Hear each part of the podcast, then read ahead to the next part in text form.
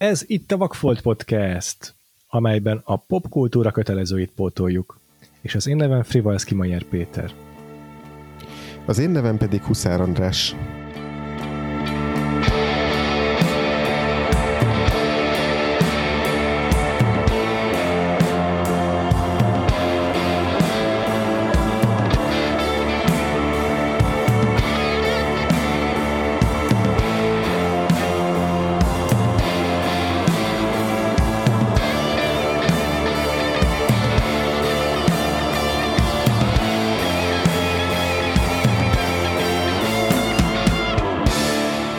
Különösen szabatosan mondtam el a szokásos introt, mert mégiscsak ez az évad legelső adása, úgyhogy gondoltam, hát ha többen bekapcsolódnak az új uh, szezonba.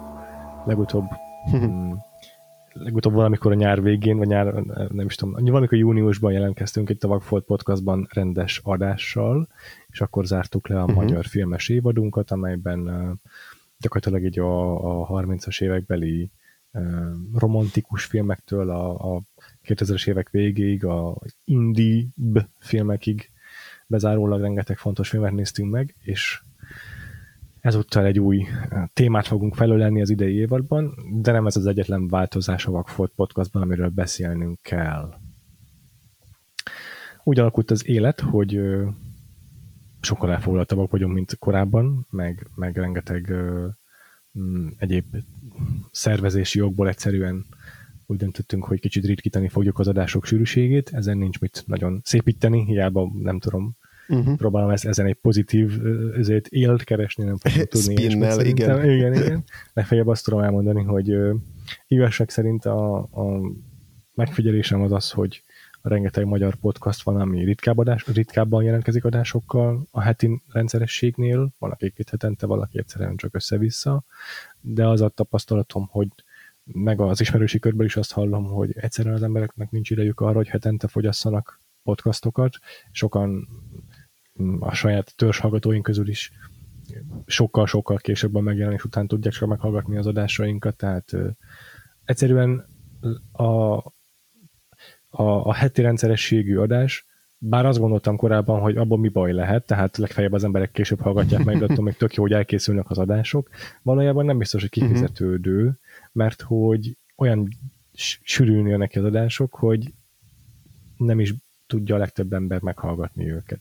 De most ettől nem lesz jobb, hogy két hetente van adás, mondom, ezt továbbra is elismerem, hogy a kevesebb content nem lehet jobb. De valójában nem biztos, hogy, hogy megéri nekünk belefektetni a, azt a, a, az ennyiségű energiát, ha úgy is az, a, az az eredménye, hogy hogy lemorzsolódnak a hallgatók, mert hogy túl sok az adás, és hiába gyártunk ilyen sokat, ha nem fogják tudni a backlogot soha bepótolni. És mindezt úgy mondom, hogy biztos vagyok benne, hogy a hallgatóinak van egy pár százaléka, akik vallásosan hallgatják az adásainkat, és minden héten várják, ezért ez nagyon szomorú vagyok, hogy számukra szomorú hét kell közölnöm, de két heti rendszerességre fogjuk ritkítani az adásainkat. Igen. És ennek a másik része pedig az, ami miatt igazából, vagy egy másik ok, ami miatt végül erre, erre a döntésre jutottunk, hogy az egyiket Péter már említette, hogy, hogy egyszerűen szervezésileg, akár vendégek leszervezésében, akár a saját időnk menedzselésében egyszerűen nem fér bele tovább most ez a, ez a heti rendszeresség, már, már így a, az előző évadban is eléggé megfeszített tempóban ö, do, dolgoztunk, ö, ami így éreztette a, a hatását így nálunk legalábbis. De hogy a másik ok az az, hogy, hogy elkezdtük összerakni ezt az évadot, amiről mindjárt lerántjuk alapját, hogy mi a tematika, bár szerintem most már annyira nem lesz nagy meglepetés, de hogy elkezdtük, ja, és akkor kezdem azzal, hogy animációs évadot fogunk tartani, legyen ez, ez Jó, szerintem tisztább logikai sorrendben. Animációs szóval filmek, majd a... akkor még erre külön belemegyünk, hogy ez most mi mindent fog felülelni. De így van, mert ezt most nagyon-nagyon tágan értelmezzük ezt a, ezt a kategóriát, el fogjuk mondani még, hogy mi alapján válogattunk ebben az évadba. Viszont amikor elkezdtük felépíteni az évadot, akkor ugye általában az egyszem vendégévadunkat leszámítva mindig az volt, hogy tavaszi évad, őszi évad, és már a magyar évadnál is az a január elejétől május végéig tartó időszak az kihúzódott június végére, végéig, mert úgy éreztük, hogy nem akarunk kihagyni olyan filmeket, amik, amik már így kilógnának a keretünkből, és aztán az animációs évad összeállításán, amikor elkezdtük leszűkíteni a nagy longlistünket, akkor végképp szembesültünk azzal, hogy itt, hogy itt írdatlan mennyiségű film és al, al tematika van, amit, amit egyszerűen muszáj érintenünk, és ráadásul ez az ő szévad, ez mindig rövidebb, mint a tavaszi, tehát mindig még, még kevesebb adás áll rendelkezésünkre, úgyhogy egy picit az is egy ilyen fellélegzés volt, amikor, amikor megbeszéltük, hogy akkor kéteti rendszeressége le, legyen, viszont ez most szeptembertől, tehát a mostani nyitóadástól jövő év tavaszának végéig, tehát májusig fog tartani ez az évad, úgyhogy ez egy hosszabb lélegzetű, nagyobb évad lesz, így ilyen formán végül is több adással, mint hogyha csak az őszi. Igen, egy picit, picit többre jön ki az adások száma. Egy pici, picivel több adás, mint hogyha csak az őszit tartottuk volna meg, és egy, egy picivel nagyobb mozgásterünk lett így abban, hogy, hogy ne kelljen kihúznunk egyik fogunkat se fájdalmasan, amiatt, hogy mondjuk valamire nem, nem jut egyáltalán idő, amire pedig szerettük volna, hogy jusson. Így van. Még egy, még egy fontos érv azért egyik, hogy hát érv, inkább úgy mondom, hogy indok, ami miatt uh-huh. átálltunk a két heti rendszerességre, az az pedig, hogy a nagyjából a horror évad óta mm, az adásoknak szerintem 70-80 százalékában van vendég, és az meg aztán még jobban megnehezíti a szervezést, mm. mert egészen addig Igen. azért évadonként két-három vendéget hívtunk, és ezt úgy fel tudtuk venni, Igen. hogy akkor, akkor előleg gondolkodva egy hónappal előre elkezdtük szervezni, és akkor felvettük, aztán kiraktuk. De ugye minél inkább elkezdtünk abba az irányba menni, hogy muszáj időrendi sorrendben haladni az egész évad során, és fontos, hogy nekünk is meglegyen a megfelelő történelmi kontextus, ezért nem nagyon lehet időrenden kívül uh-huh. felvenni az adásokat, vagy hát minimális mozgástérrel, és elkezdtünk az uh-huh. irányba haladni, hogy minél több olyan vendéget hívjunk meg, aki rengeteg plusz információt, plusz értéket tud adni az adáshoz a saját uh-huh. háttértudása révén, annál nehezebb volt leszervezni az adásokat. Így aztán mm, a heti rendszeresség már tényleg kezdett teherré válni, és úgy döntöttünk, hogy talán ez lesz a jó megoldás arra, hogy meg tudjuk tartani a vendég mm, azt is, hogy hívunk vendégeket, meg azt is, hogy, hogy, hogy megfelelő felkészültséget tudjunk jelentkezni az adásokkal. Minden mellett szerintem kevesebb uh-huh. vendég lesz idén, mint ahogy szoktuk. Most uh-huh. ez nekünk is egy ilyen kísérleti periódus, hogy hogyan tudjuk ezeket, ezt, ezt az átállást levezényelni.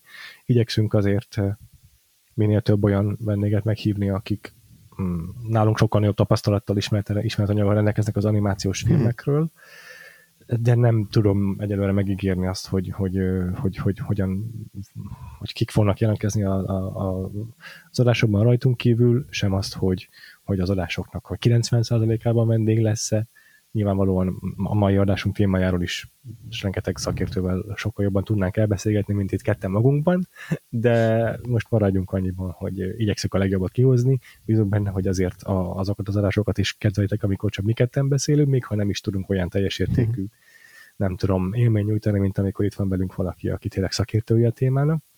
Azért azt gondolom, hogy, hogy, hogy továbbra is a, nem tudom, a, lehet, hogy nem vagyok akadémikus szinten anyag tekintetében, de azért valami plusz értéket csak-csak hozzá tudunk tenni a, a filmélményhez.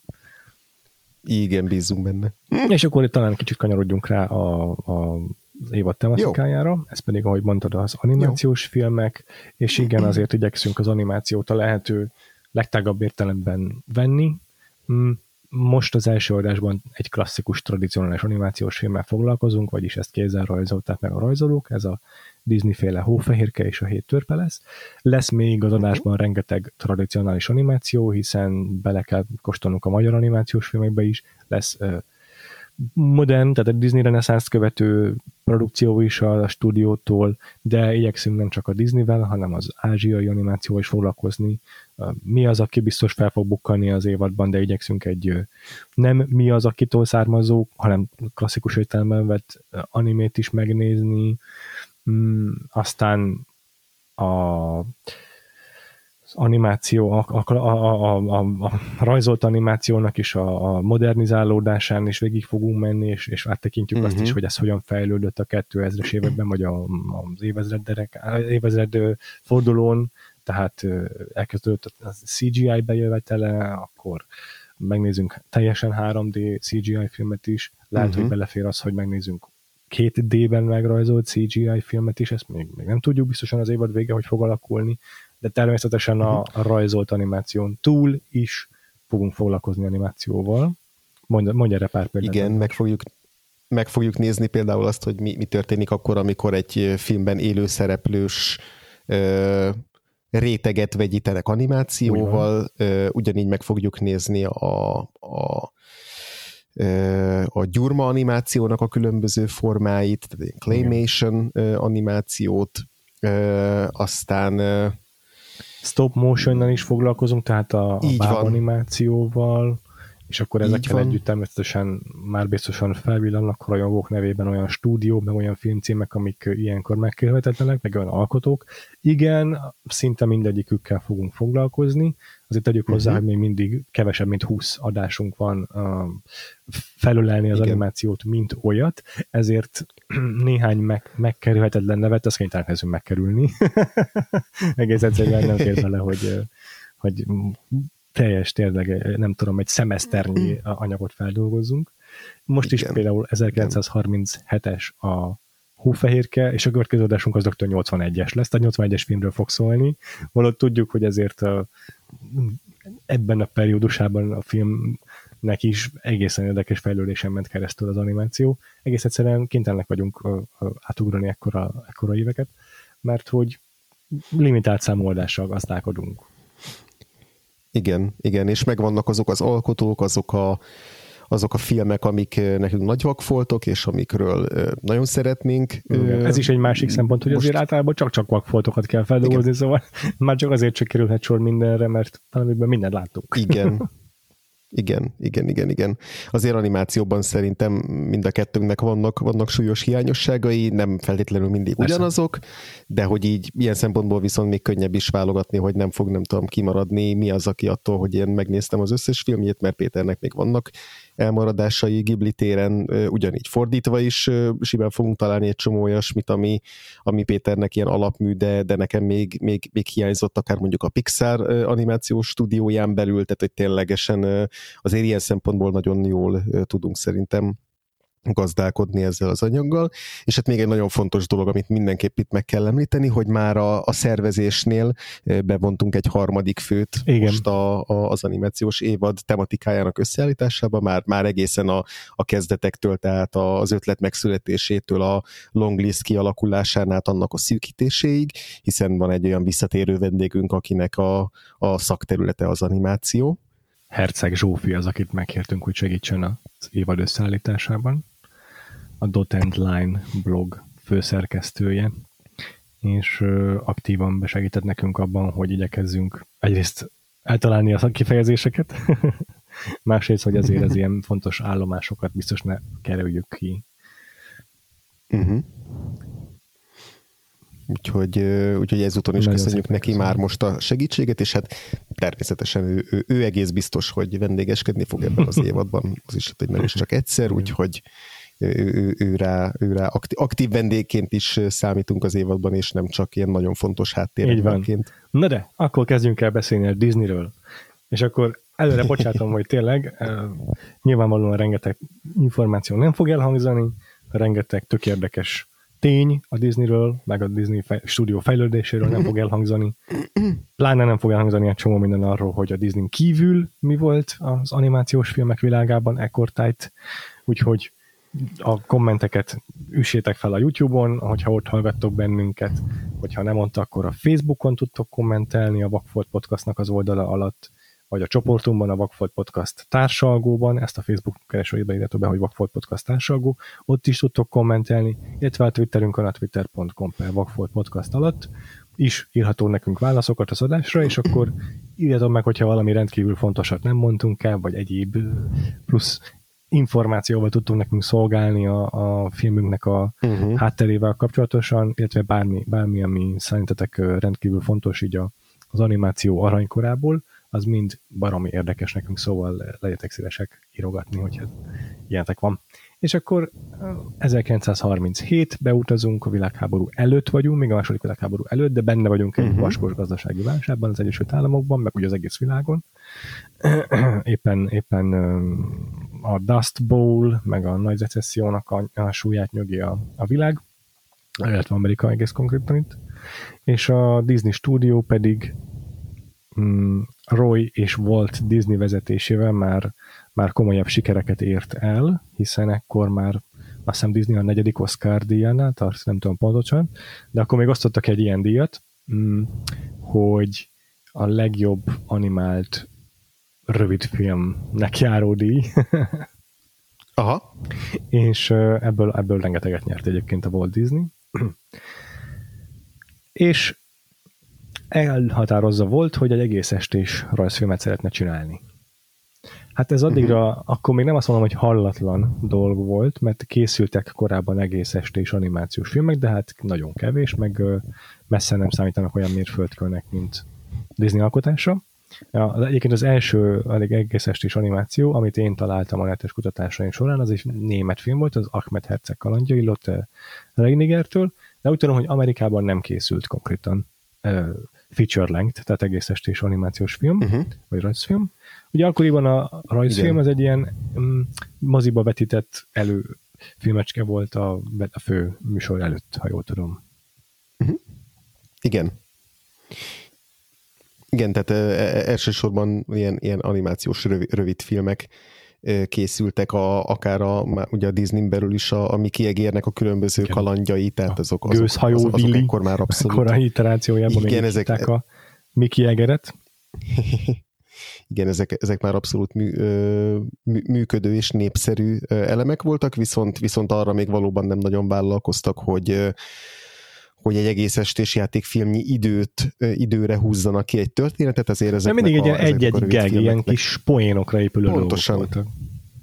Igen, igen, igen, igen, igen, és ezek nem nagy évű történeteket meséltek el. Egyrészt ugye ez, ez volt egy, egy nagy kihívás, másrészt pedig a, ugye a, a, a hófehérke a hagyományos animációs, kézzel rajzolt animációs módszerrel készült, tehát ami azt jelenti, hogy ez a angolul ez a, ez a cell animation, ami a celluloidból Aha. származik, tehát hogy ilyen átlátszó celluloid lapokra ö, rajzolnak vagy festenek különböző animációs ö, részleteket, vagy ö, Ja, ja, rétegeket gyakorlatilag, igen. Rétegeket, és aztán ezeket, ezeket veszik föl a kamerával, és ezekből jön létre ilyen különböző kompozit kép, amit aztán a, amit aztán a, a, a vásznon már egy egységes, egységes rajzolt képként látunk, és akkor itt tényleg minden egyes réteget, minden egyes elemet kézzel, kézzel hoznak létre. Igen, igen. Tehát, hogy ezzel, ezzel a technikával készült a hófehérke, és, és, és ezzel a technikával ilyen hosszúságban még nem nagyon kísérleteztek korábban, főleg nem ilyen, ilyen költségvetéssel, ami aztán a Disneynek rendelkezésére Igen, állt. hát gyakorlatilag ez a, ez, a, ez a film, ez megbuktathatta volna a Disney stúdiót, meg, meg, meg uh-huh. a mhm. nyomorba taszíthatta volna magát a Walt Disney-t is, mert hogy a Igen. család vagyonát, a házukat jelzálogosította, minden pénzt föltette arra, hogy ezt a filmet meg tudja csinálni, és még így is majdnem, majdnem uh-huh. belefutottak abba, hogy nem lesz rá pénz, vagy elfogyott a pénz egy ponton, amennyire én tudom. Szóval ez, ez, erre tényleg mindent föltett, még úgy is, hogy azért komoly sikerei voltak előtte, így is azért elég nagy rizikó volt, meg így is elég nagy szkepticizmus övezte ezt a filmet. Mm, és azon kívül, hogy mm, nagyon hosszú volt a, a, a játék ideje a filmnek, ami azt jelenti, hogy darabonként milliónyi rajzból, több, több mint egy millió rajz, rajz uh-huh. részletet kellett lerajzolniuk az alkotóknak, és összesen hú, nem is tudom hány százezer konkrét cell, celluloid lap készült, azt majd utána nézek pontosan, de, de, de igen, több mint 300 ezer képkockából áll ez az egész film. Na szóval ezen a mennyiségi kihíváson túl azért elég sok technikai újdonságot is megkockáztatott, vagy bevezetett itt a Walt Disney, meg a stúdiója, uh-huh. amelyek aztán még tovább növelték ennek a filmnek a, egyrészt a, a, a a, a grandiózus vízióját, meg hát a rizikófaktorát is egyben. Majd ezekre még beszélünk később. Igen, igen, igen, igen. Létrehoztak teljesen új technológiákat, majd erről is fogunk beszélni, egy, egy, egy olyan kamerát, azt, amit aztán, tulajdonképpen nem, nem is csak a kamerát, de hogy egy csomó olyasmit, amit, amit aztán évtizedeken keresztül az alapjául szolgált. Az, az egész animációs a... műfaj, meghatározta az egész animációt, mint olyat. Pontosan, igen, egyrészt tényleg technológiába, tehát majd beszélünk erről a kameráról, hogy ez hogy működött, és miért volt újdonság, és milyen a hatása, de, de ugyanígy a, a, a film narratívájában, a film hangulatában, tehát abban, hogy milyen ez a hófehérke, mondjuk akár a, a forrásműhöz, hiszen tudjuk, hogy a 19. századi Grimm meséknek a feldolgozási hullámát is ez indította be, a Disney hercegnőknek a toposzát is ez a film indította el, a, a cuki állatoktól kezdve, az énekbetétek, tehát tényleg rengeteg-rengeteg minden, ami nagyrészt a Disney ö, házán belüli ö, védjegyekké szilárdult meg, de, de, de nagy mértékben meghatározta valóban a komplett animációnak a, a, a, hát gyakorlatilag a, a, akár 90-es Igen, évekig ö, tartó történetét. Igen, igen. Mm, és anyagilag is óriási siker lett ez a film. Igazából, ha az inflációt uh-huh. hozzászámolom, akkor mindmáig a legsikeresebb animációs film. A bevételi uh-huh. tekintve Amerikában, meg valószínűleg világszerte uh-huh. is. Igen, hát azóta rengetegszer visszahozták a moziba a különböző évfordulókon, tehát hogy nem is csak akkor Ez igaz. vetítették le, hanem voltak újabb és újabb ilyen, ilyen felélesztései a, a, a, a mozikban. És mindezt úgy, hogy azért nem a legjobban öregedő animációs filmje a Disneynek sok szempontból. Tehát beszéltünk majd arról is, hogy uh, hogyan változott, hogyan fejlődött a Disney stúdió stílusa, és hogy ez a hófehérke milyen szempontból számít ilyen kis korai fecskének, ahol még csak a szárnyokat próbálgatták. Igen. Egyébként te láttad korábban a hófehérkét? Na, hát ez a...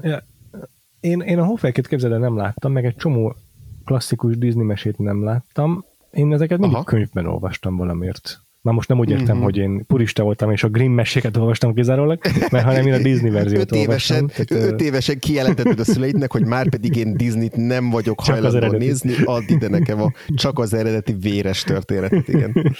igen, indiánokról is csak történelemkönyvben vagyok hajlandó olvasni, dinoszauruszokról kizárólag, ö, paleontológusok által írt műveket, és tudományos igen, Carmine, te már, te már ha hat évesen kancelezted, úgyhogy nem, bőven megelőzted a korodat. Igen. Egyébként tényleg volt, amit eredetiben olvastam, például a Pinocchio-t, ezt a eredeti Carlo Collodi, de ezt ténylegesen a Hófehérke-nek a Disney verziót olvastam, mert egy csomó ugye animációs filmből készültek ilyen képes könyvek, képes könyvek igen, igen. Én ezt abból igen. ismertem, meg egyébként itt a 101 kis kutyát is, meg rengeteg másikat.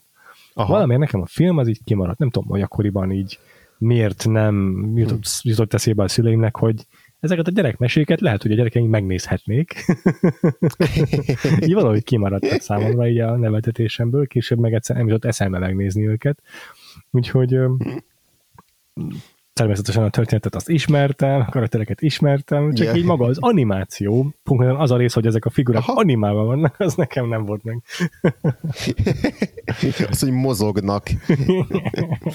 igen, igen. Amúgy nekem is ezek a részek voltak meg ezek a ezek a, ja igen, ezek a, ezek a Disney könyvek, Aha. ami emlékszem egy ilyen könyvben volt, azt hiszem legalább három történet, tehát hogy Aha. így ilyen, ilyen, ilyen gyűjteményes kötetek voltak, egy igen, egy csomót én is ezekben olvastam, mint sem, hogy inkább láttam volna, és aztán hát inkább így a, a, az akkori kortárs animációt néztem, ja, ami kis hableány. azt értem, hogy így a, nem tudom, kis hableány, oroszlán király, ez, ez, ez a, igen.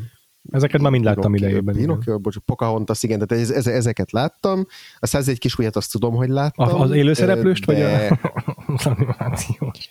Mind a kettőt szerintem. A... Mind a, az élőszereplőset moziban, a, a másikat szerintem csak a. így otthon.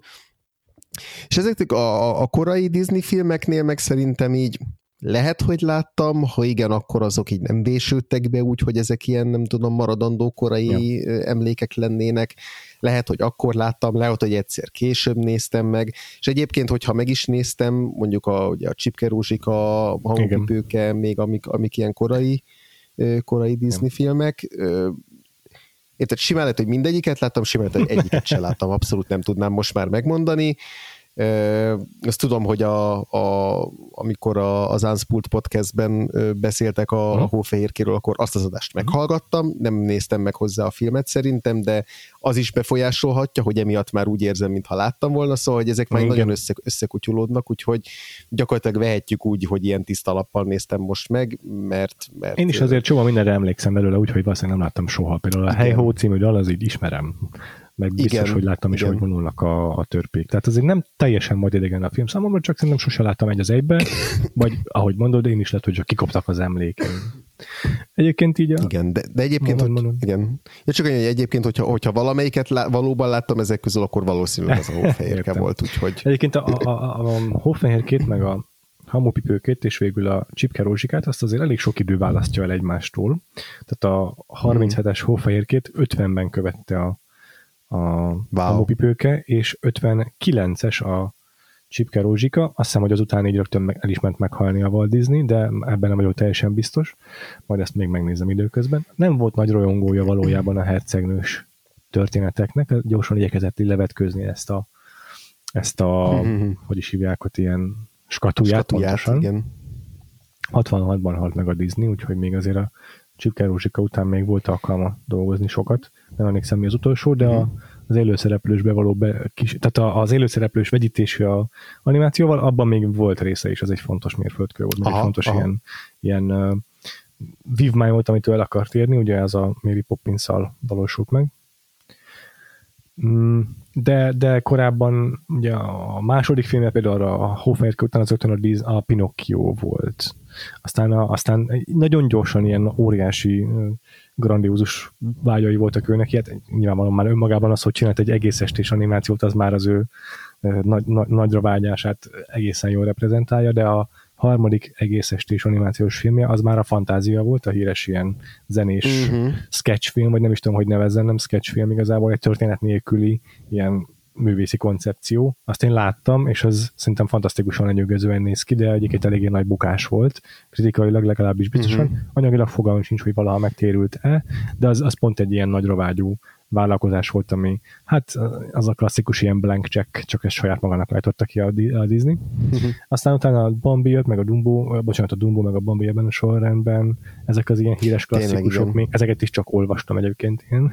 Hát soha nem láttam, azon, a Dumbot lehet, hogy láttam, de a, szinte biztos, hogy csak olvastam őket. Szóval így ezek, a, hmm. ezek az első mm, Disney filmek a 40-es évekből még, és, és mondom, a, a hercegnőkre nagyon sokat kellett ezután még várni. És viszont, viszont uh-huh. a mhm. maga a Disney stílus, az meg szinte rögtön mm, elkezdte magát kiforni, tehát a Pinocchio-ban másokkal klassz, sokkal inkább visszaköszönnek bizonyos animáció megoldások, meg figurafajták, amiket a Disney megismerünk, amiket itt még csak így próbálgatott a Disney, és, uh-huh. és akkor a, a Hófehér, vagy bocsánat, a, a, a, a hamupipőkében már egészen ki, ki forrotta magát, egészen lecsiszoltak, lecsiszolódtak ezek a karakter archetípusok, meg a, meg a, meg a történetmesélésnek is a, az, az ilyen kis hogy mondjam, sorjái, amik ebben a filmben megjelentek, még azok addigra már tök kitökéletesedtek teljesen. Ebben a filmben lát, hogy látszik, hogy azért elsősorban az volt a cél, hogy most egy nagyon primitív, nagyon egyszerű történetet meséljünk el, a lehető mhm. legtöbb technikai erőfeszítéssel, csak igen, hogy igazoljuk, hogy meg igen. tudunk csinálni.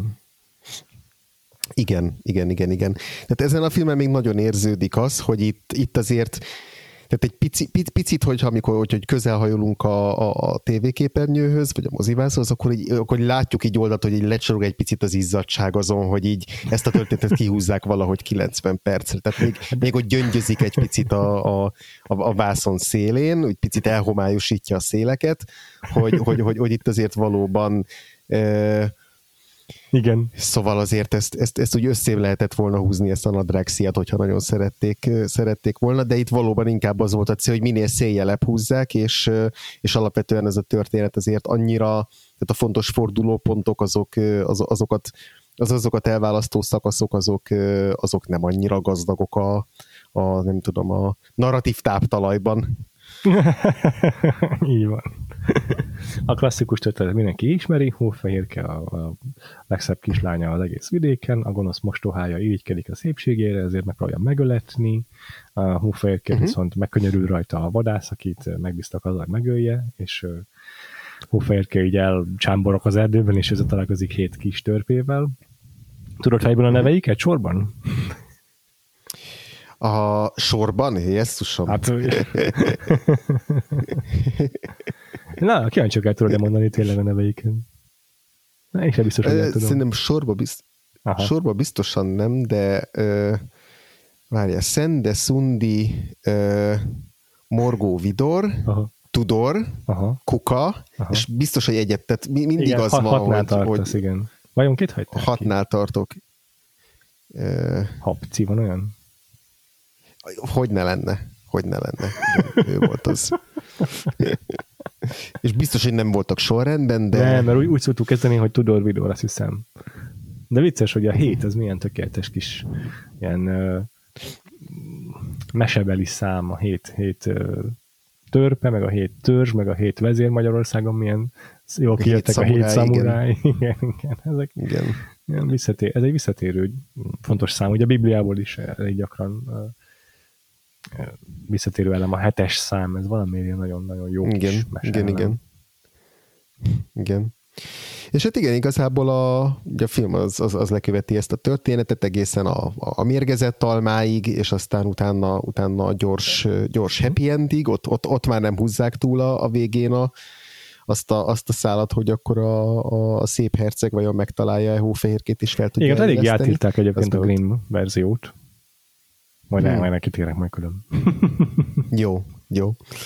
E, és hogy igazából a, a, a filmnek a legtöbb részét azok ilyen kis, kis nem is tudom, kis etűdök teszik ki, ahol így együtt lógunk a szereplőkkel, és akkor itt a szereplők alatt értem azt is, amikor Hófehérke a film egy jelentős részét különböző kis állatokkal tölti, és ez még nem az az időszak, amikor az állatok elkezdenek visszabeszélni, meg poénkodni, hanem itt még csak cukik és kommunikálnak bizonyos szempontból, tehát, tehát tud velük interaktálni hófehérke, de, de itt, még, itt még nem antropomorfizált állatokról beszélünk, de ennek ellenére tényleg hosszú időt tölt velük, és azért annyira meg, annyira meg antropomorfizáltak, hogy, hogy együtt kitakarítják a törpéknek a házát, tehát bevetik a saját kis állati Igen. eszközeiket erre és, és, aztán, és aztán hosszú idő, ideig lógunk együtt a hóférkével, meg a, meg, a, meg a törpékkel is az ő kis bukolikus idilli kis életükben. Tehát a, a, a gonosz boszorka például relatíve kevés időt tölt el a filmben, tehát a film első egy órájában van kb. két jelenete, aztán utána az utolsó szakasz lesz az ő, az ő drámai íve, és, és tök érdekes egyébként, hogy, a, hogy, hogy már itt megfigyelhető, hogy a film végére azért ő egy, ő egy nagyon klasszikus Disney főgonoszán nem esedik, tehát hogy megvan a, megvan a fináléban az, ami aztán, ami aztán visszatér minden egyes alkalommal, hogy a, hogy a, hogy a főgonoszt azért, azért valamilyen látványos módon kell letaszítani általában valamilyen szírt a tetejéről, tehát ez is olyasmi, ami a, szerintem a Grimm mesében még nem nagyon, így van. nem nagyon történhetett így. Így van, így van, így van, így van. Igen.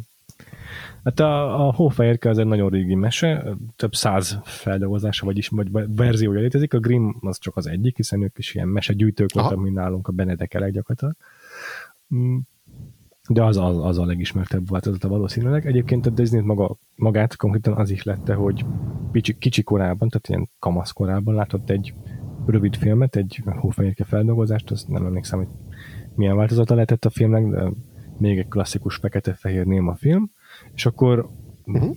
YouTube-on lehet látni uh, ilyen dokumentumfilmekben, hogy ez, ez hogy nézett ki. Egy pár képkocka egészen hasonlóan van, így a szereplők elhelyezése, meg mozgásai megidézi az animációs film azt, ahogyan az a film kinézett, szóval elég egyértelműen beégtek ezek a képek valószínűleg a Disneynek, és akkor mm, tényleg 20 évvel később úgy hogy feldolgozza ezt a filmet.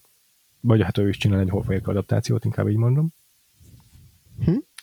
De hát mondom, tényleg elég jelentősen változtat, megváltoztatta a történetet, és mindenki ismeri, hogy a, a Grimm azért eléggé uh, gory, eléggé durva tud néha lenni, és akkor itt a Disney egy picit visszafogta azért. Bár egy is kellően, kellően horror tud lenni néha a hófehérke.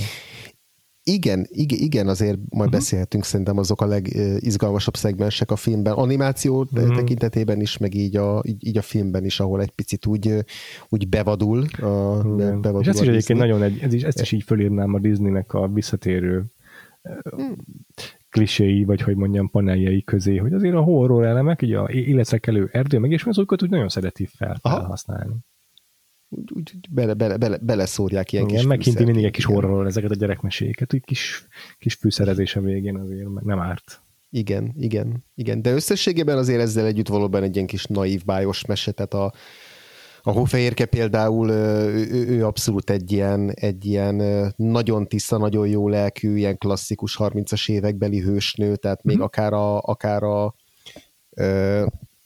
a, a, akár ahogy meg van rajzolva a megjelenése, akár a hangja, akit, akit vagy amit Adriana Casselotti szolgáltatott. Igen, most az eredeti hanggal néztük a, a filmet, igen. Igen, igen, igen és, és, ott, és ott az például nagyon visszavisz minket a, a 30-as évekbe, tehát a, a Ez az operett a, hangének, és Magyarországon legalábbis az van. ezért azonosítani, vagy Ez ilyen sanzon, vagy nem tudom, ez a hasonlat. remegő szoprán, ezért falzettó hang, ez nagyon ilyen, ilyen, ilyen operetteket idéz fel bennem. Igen, akár csak a hercegnek a, a, az ének szólam, ami csak a film legelején meg legvégén szerepel, de az is egy ilyen klasszikus hőszerelmes operett éneklés, szóval, hogy ezek, ezek azért nagyon datálják ezt a filmet. Igen. Így, a, így az, az, az ének tekintetében, és, és hogy valóban ezt a, ezt a teljes, teljes helyzetet, amiben aztán a főszereplőn kerül, ezt, ezt a minél cukibb, minél aranyosabb módon ábrázolják, tehát tényleg tényleg ilyen egy, együtt takarít a, az, az állatokkal, a törpékkel sincsen igazán nagy konfliktusa, ugye ott van az egyetlen morgó, aki fúj rá, mert gyűlöli a nőket, de azért valójában azért ő is nagyon, egy... nagyon vágyik a, a szeretetére, szóval igazából csak így a, csak így a kis, kis szorongásait leplezi ezzel, és aztán ő is nagyon hamar megenyhül a hófehérke iránt, szóval hogy igazából tényleg az egész egy ilyen nagyon, nagyon kedves történet, amiben néha bele van szúrva egy-egy ilyen, egy-egy ilyen horror elem, vagy egy-egy ilyen ilyen fél, fél, félelmetesebb momentum, amitől, amitől így, így talán egyel érdekesebb lesz. De, de persze úgy, úgy mondom, hogy egyel érdekesebb lesz, hogy alapvetően ezek a kedves részek is tette. Ezek tényleg kedvesek, Igen. tényleg tök jól le lehet Igen. lenni rajtuk. Nem tudom, hogy téged például mennyire tudtak vinni ezek az ének, a hosszabb énekbetétek, mennyire tudtál, tudtál így elbájolódni ezek által?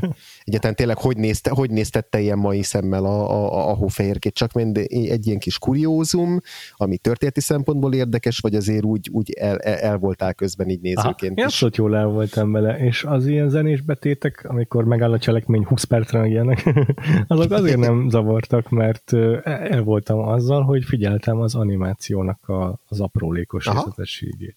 Nagyon jó kidolgozott ez a film, teljes mértékben megállja ma is a helyét. Az animációra egy szavunk nem lehet, szerintem olyan profi, annyira iszonyatosan izgalmasan ki van dolgozva, hogy az ma is tényleg nem, nem csak megállja a helyét, de szerintem egészen impresszív teljesítmény lenne.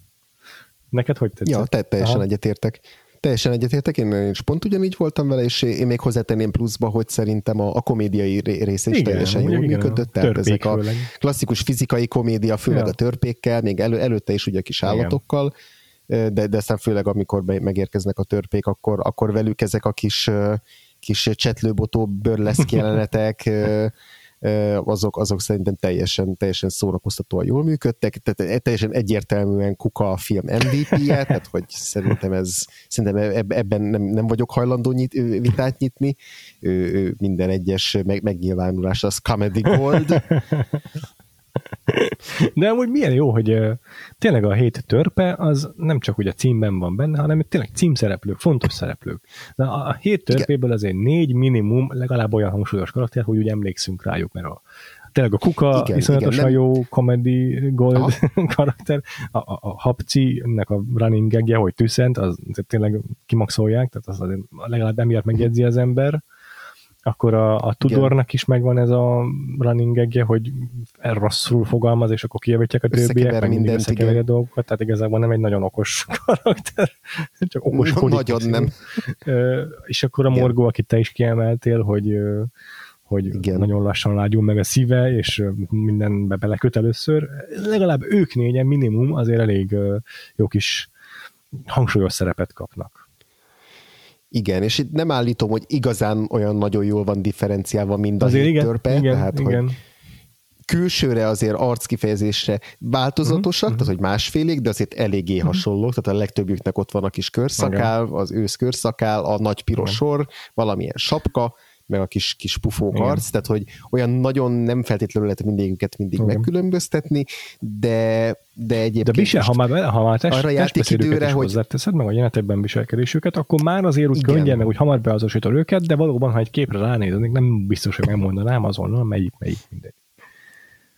Igen, és, és ráadásul tehát ez valószínűleg azért nem, is, azért nem annyira zavaró, mert szerintem ugye a filmnek a fele eltelik, mire egyáltalán találkozunk velük. Tehát hogy lehet, hogy ha már így a, a, a tizedik percben eljutna hozzájuk Aha. hófehérke, és, és onnantól kezdve még a maradék egy óra húsz percet töltenénk velük, akkor lehet, hogy zavaróbb lenne, vagy, vagy akkor jobban igényelném azt, hogy, hogy ezért ténylegesen, nem tudom, legyen valamelyiküknek valami kis narratív mikroszála, vagy valamilyen kis történetíve, ami alapján meg lehet különböztetni. Itt egy teljesen szükségtelen ebben a formában, így, így teljesen jó, úgyhogy egy kis csapatként vannak, és azért né, néhányukat meg lehet jegyezni, és, és alapvetően mindegyikük szórakoztató a maga módja igen. Igen, igen, igen. És azért azon tényleg sokat dolgoztak az animátorok, hogy a mozgásukat megkülönböztessék, hiszen a Disneynek, uh-huh. ha nem is forradalmi újdonsága, de mindenképpen egy, egy olyan mm, védjegye volt, hogy, hogy a karaktereknek önálló egyedi animációjuk volt, és a mozgásuk az egyben mesélt is a karakterekről. Tehát tudtad, hogy amikor dühös a, mit tudom én, a Donald kacsa, akkor az hogy mozog vagy a mindegyik karakternek meg voltak a maguk is jellegzetességei. Ez tényleg egyébként uh-huh. igaz a kompetitorokra, tehát a, a többi nagy animáció ikonra, mint a Max Fleischer, meg a Tex Avery, akik így a, nagyjából ebben a időszakban dolgoztak. Ők is azért ugyanebben mozogtak. De mondom, a Disney-nél ez egy kifejezetten egy ilyen irányadó volt, hogy a, a hét törpe kapja meg mindegyik a maga kis egyedi viselkedés mm, mintázatát.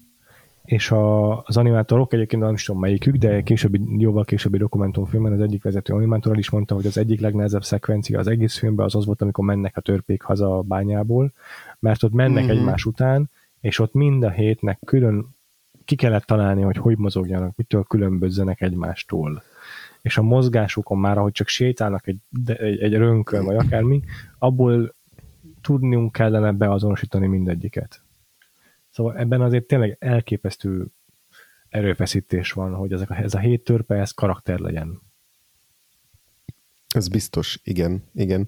És igen, fontos, hogy itt már, megemlíted a mozgást, hogy így, hogy így eleve azon dolgoztak nagyon sokat az animátorok, hogy mindegyik mozgása különböző legyen, de hogy összességében is azon is rengeteget dolgoztak, hogy semmiképpen nem, ne legyen statikus a film, semmilyen módon, sőt, sokkal dinamikusabb és sokkal összetettebb legyen a, a, a képeknek az élete, a belső élete, mint, mint korábban, és akkor ehhez fejlesztették ki ezt a, ezt a több síkú kamerát, ezt a multiplane mhm. kamerát, ami lehetővé tette azt, hogy több különböző réteget egymástól ilyen térhatást keltve, vagy ilyen mélységet keltve, különböző sebességgel, különböző módon tudjanak mozgatni. Tehát Eleve ez igazából szerintem elsős, ilyen... az, az az érdekes ebben az egész multi mm, Aha. plane kamerában, hogy szerintem elsősorban egy költség vagy időbeli um, kényelmi, költségkímélő módszernek indult valószínűleg, hiszen Aha. lehetővé tette, hogy hogy ki lehessen cserélni akár külön a, a lapkákat könnyebb, vagy gyorsabban, mert ugye így van, úgy néz ki az egész, hogy van egy ilyen függőleges elrendezésű mm, szekrényed, amiben üveglapokon vannak a lapkák, mint a fél méterre Aha. egymástól a térben, és akkor fölül van függőlegesen belogatva a kamera, és az veszi a lapkákat. És akkor gondolom én könnyebb kicserélni az üveglapokat, mint a, a, a simán, hogyha csak ezek a papírok egymáson lennének, ezek a, ezek a áttetsző celluloid lapocskák, meg a térbeliséggel eléri azt, hogy, hogy a mozgást sokkal élethűbben lehet megoldani, hiszen nem kell megoldanod azt, hogy a rajz a, a, a karakterek mozgásával egyidejűleg a háttér is igen. térbeli a térbeli viszonylag megfelelően a perspektívát figyelembe véve olyan sebességgel mozogjon. A, tehát ugye a távolabbi dolgok azok lassabban mozognak el, a közelebbiek azok gyorsabban, uh-huh. legalábbis a kamera szempontjából, és ezeket a térben könnyebb megoldani, ha tényleg, tényleg, ténylegesen van térbeli távolság az egyes rétegek között. Úgyhogy gondolnám, uh-huh. hogy elsősorban egy ilyen könnyebbséget jelentett ez, de ugye, mit tudom, pár évvel korábban már használta ezt a technológiát a Disney, főleg erre, hogy így térben eltávolítsa egymástól rétegeket, és akkor ezzel tudjon mesélni úgy, hogy egy kicsit zoomol időnként mondjuk, vagy közelít egy szereplőre, és akkor ezt nem kell külön megrajzolni, hogy most akkor nagyobb a szereplő, vagy ilyesmi. Uh-huh. Nyilván sima, ha síkba lettek volna az egyes rétegek, egy rétegre, egy, egy, egy, egy, egy lapra egymásra rétegezve, akkor is lehet zoomolni, csak nem tudod, nem, nem tudod megcsinálni azt, hogy mondjuk az erdőben a fák azok ugye kicsit máshogy zoomolódnak, ha közelebb vannak a kamerához fizikálisan, mint a uh-huh. fák között lévő szereplő, aki egy külön réteg. Igen. Szóval először erre használta Igen. ezt az animációt a Disney, hogy ilyen zoomolásokat csináljon, vagy, vagy kameramozgásokat, és ebben a filmben is, ebben is van jó néhány, viszont itt már tehát, hogy ez még egy... továbbfejlesztés, és már egészen új Igen. dolgokat is kísérletezik ki ezzel a multiplane-nel, úgyhogy itt már egy művészi kifejező eszközé fejlődik ez az egyébként szerintem elsősorban kényelmi eszközként kitalált megoldás. De mondom, ez olyasmi, amit nyugodtan írtok, írtok nekünk kommentet, hogyha jobban tudjátok.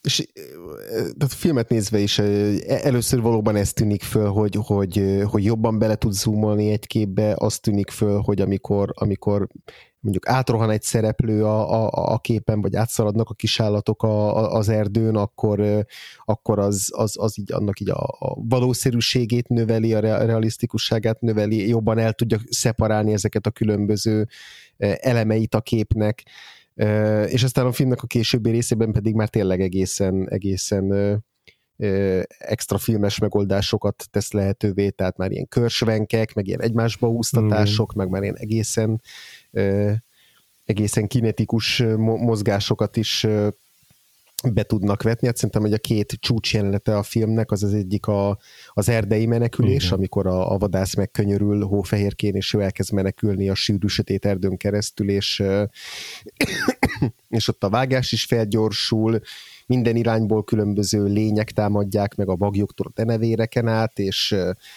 és egyre, egyre, egyre ilyen szürrealisztikusabbá válik a, maga az erdő is, megelevenednek a fák. Igen ilyen, ilyen, ilyen karaktereket, ilyen démoni karaktereket öltenek fel, itt a itt, itt tényleg egy ilyen, egy ilyen, egy ilyen expressionista kis szeg, szegmensé válik ez, ahol a hóférkének a félelmei vetülnek ki a, a, a környezetére.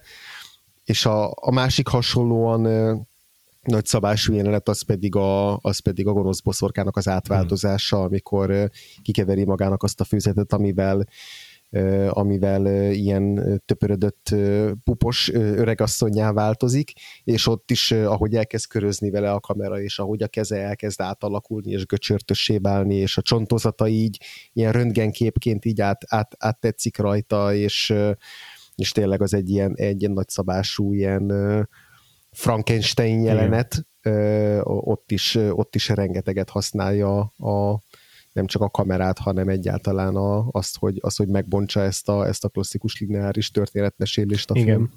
Az első film egyébként, ami használta ezt a multiplane kamerát, ezt a többsíkú kamerát, vagy többsík, ja, többsíkú kamerát, az pont ez a Ahmed Herceg kalandjai volt, ami, ami, ami a legelső egész estés animációs film Európában. Aha.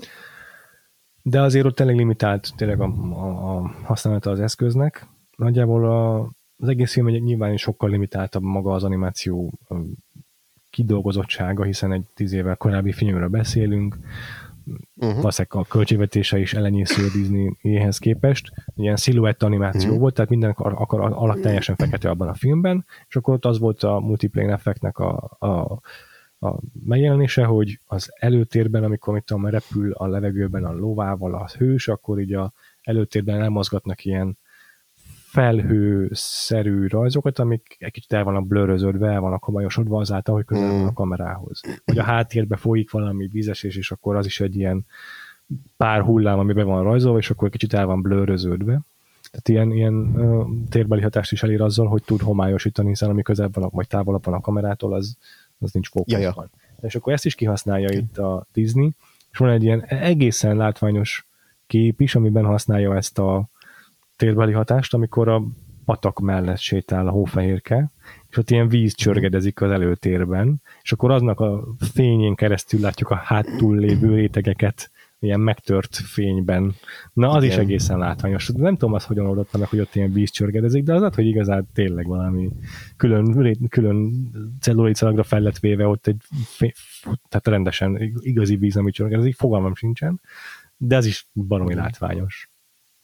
Igen. Az animációnál szerintem egyébként a víz az egy ilyen nagyon kulcsfontosságú elem, vagy, vagy egy olyan, olyan megugrandó léc, vagy egy olyan, olyan megteremtendő, megvalósítandó képi, képi elem, amit, amire így mindig érdemes figyelni, hogy, a, hogy ahogy, ahogy haladunk előre az időben, melyik, melyik film, melyik technológia hogyan teremti meg a vizet, mert mert az mindig olyan nagyon egyszerűnek tűnik, és közben nagyon-nagyon csalóka, és nagyon-nagyon nehéz pont a, a különböző fényvisszatükrözések, a víznek a különböző állapotai, hmm, akár a hullámzástól kezdve, akár egy, egy sík víztükrön szikrázó fényig, tehát hogy, hogy egy nagyon-nagyon komplex, komplexé is tud válni az, ahogy a, az, ahogy a különböző víztömegeket, vagy vízterületeket animálják, és, és ez erre a filmre is tökre igaz, hogy amit te is mondtál, vagy, vagy, a, vagy az a jelenet, amikor amikor énekel a, a kút fölött a hófehérke, amikor vizet mer, és akkor a, a kútból, a víz alól á, veszi őt a kamera, és ott is tök izgalmasan fodrozódik Aha. a víz, és, és töri meg a, a, a felsőképet, az is szerintem nagyon, nagyon, nagyon Igen jó kis, jó kis, jó kis trükk. Igen. Mármint egy ilyen, egy ilyen, az is egy ilyen leteszi a névjegyét a Disney, hogy nem így van, tudunk a csinálni. technikai bravúr. És egy, Igen, és közben tök jól néz ki, tehát hogy, hogy van egy ilyen van egy ilyen bizonyítás része, de közben pedig filmként is tényleg, tényleg jól működik. És egyébként igen, amit mondtál a másik két kulcsjelenetről, azok tényleg abban is elképesztő látványosak, hogy látható, hogy az a háttér, meg az előtér, amit elmozgat, azok parami nagyok, tehát hogy fizikailag nagyon nagy a rajz, hiszen úgy kell elmozgatni, hogy jóval nagyobb az a plate, az a réteg, ami a háttérben van, mint a többi, vagy legalábbis mint a kamera képe, hiszen tudni kell mozgást imitálni vele, és, és ez is ez nem újdonsága itt a multiplane kamera technikának, hogy kihasználja azt, hogy, hogy jóval nagyobb rétegeket tud mozgatni, és, és, és, és, és nagyon szépen kidolgozott baromi nagy képeket használ háttérként. És, a, és ugye itt ez a parallax hatás, amit elér az, hogy a háttér meg az előtér az különböző irányba mozog, és ettől ilyen forgó effektust ér el, ez is tök új volt. Mm, főleg ezek itt a, a multiplane kapcsolatos bravúrok Igen. szerintem, de az biztos, hogy az, hogy tud dimenzionalitást bevinni a képbe, tehát hogy rétegezi a képét, és, és olyanná teszi, mint egy valódi élőszereplős filmet, ahol az előtérben lévő dolgok nem nincsenek fókuszban, meg a háttérben lévő dolgok nincsenek fókuszban, és amikor a kamera mozog oldalra, akkor a parallax hatás miatt a háttérben lévő dolgok azok lassabban haladnak, mint az előtérben. Tehát ezek mind olyan látványos dolgok voltak, mint hogyha ma, vagy 2012-ben beülünk az avatárra, és ja. leesik az állunk, hogy ilyet lehet csinálni számítógépekkel. Tehát ez ugyanaz a, ugyanakkor a jelentőség dolog szerintem. Igen, hát eleve, eleve már önmagában az, hogy az 1937-ben még, még, a, még azért bőven a fekete-fehér filmnek a, a fénykorát éltük, tehát hogy, hogy önmagában az is, hogy, hogy nem csak hogy animáció, hanem hogy ez nem fekete-fehér animáció, hanem tényleg ilyen elképesztő színekkel dolgozik. Azért ez is egy tényleg. fontos része. Tényleg valami több, hát több mint ezer színt kevertek ki a Disneynek a saját kémikusai a filmhez, mm. de például a hófehérkének az ajak színét, azt ténylegesen rúzsal berajzolták. De, a legtöbb ilyen filmes technikai részlegen, ahol az ilyen repetitív, manuális munkát kellett végezni, szinte mindenhol nők dolgoztak, mert ez ilyen könnyű munkának számított, uh-huh. viszont mindenki teljes foglalkoztatásra volt szükség, mert válság volt. És akkor a válság idején alakultak ki ezek az ilyen tradíciók, hogy például a vágók, azok főként nők voltak abban az időben, de az animációs film uh-huh. világában is az átrajzolók, akik a, a papírral lerajzolt figurákat átviszik, erre az áttetsző celluloidra, azok is, akik a trészelik, tehát a kontúrozzák, azok is mind nők voltak, és ilyen nagy irodában dolgoztak, ilyen, nem tudom, 50-es évvel körülbelül a kis padjaiknál, és akkor a festők is, akik a színeket használták, vagy vitték fel ők is, mert az úgy nézett ki ez a folyamat, hogy a, kezdjük szerintem egy kicsit a technológiával akkor, belemeltünk abba jobban, uh-huh. hogy ezeket a figurákat hogyan teremtették meg, hogy onnan indul az uh-huh. egész, hogy hogy a Disney azért alapvetően úgy dolgozik, hogy mm, ebben a filmben jött be az, hogy igyekezzenek realisztikus figurákat csinálni. Előzőleg azért ugye a uh-huh. különböző állatos animációs El, filmekben elnagyoltak voltak. Elnagyolt karikaturisztikus, hogy minél expresszívebbek legyenek az arcok. Azért az volt a jellemző. Igen. Úgy általában véve az animációra is. Tehát a, a, a konkurenciában is, mondjuk egy Popeye-ben azért nagyon, nagyon elnagyoltak, direkt ilyen na, nagy gesztusaik vannak a figuráknak. Meg ugye a mindenki ismeri uh-huh. az Olive-nak a mozgását, hogy ilyen hajlik szinte a, uh-huh. a térde, amikor lép minden. Na, ezek egyébként a korai Disney-kre is valamennyire jellemzők voltak, tehát az ilyen első kísérletek, ahol már voltak emberszerű figurák, azért nem mozogtak olyan szuperul, tehát például a térdnek a hajlása, uh-huh. tudom én, meg a, meg a könyök, sokkal ilyen plastikusabb, ilyen elasztikusabbak voltak a figurák, mint a, a hófehérkében, és akkor itt elhatározta a Disney, hogy elmegy ebbe a realisztikus irányba, nem azt kell érteni az alatt, hogy Aha. mondjuk minden közé rög, meg, meg, meg ránc látszik az arcokon, hanem hogy a mozgás, meg, az, meg, az, meg a figuráknak az arányai, azok sokkal valósághűbbek. Uh-huh. És akkor ezért rengeteg mozgás tanulmányt készítettek az animál, a rajzolók.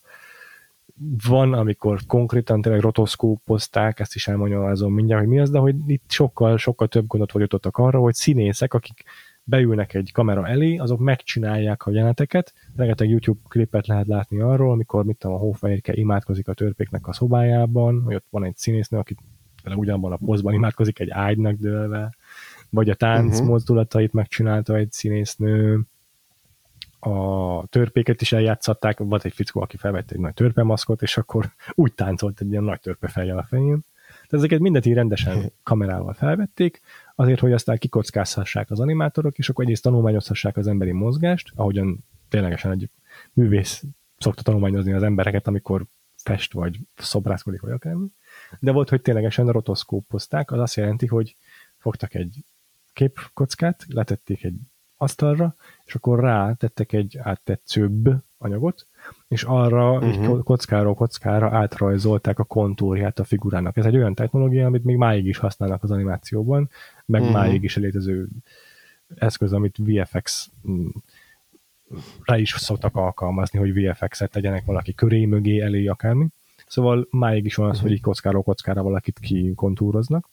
És akkor egyébként ez tökre, szerintem ma, ma, ma aki már tud ilyen, aki már tud erről, meg így látja az ilyen részleteket, az, az, az ma is felfedezheti, hogy mik azok a jelentek a filmben, amiket rotoszkópoztak, mert szerintem tökre látszik például, hogy amikor nem uh-huh. rotoszkópoznak, hanem csak úgy rajzolják az animációt, kockáról kockára, akkor van egy kicsi ilyen kis szögletesség, vagy ilyen kis, kicsit ugrál, tudod a mozgás, egy ilyen pár képkockányi tényleg így kicsit ilyen enyhén ugrál néha egy-egy karakter.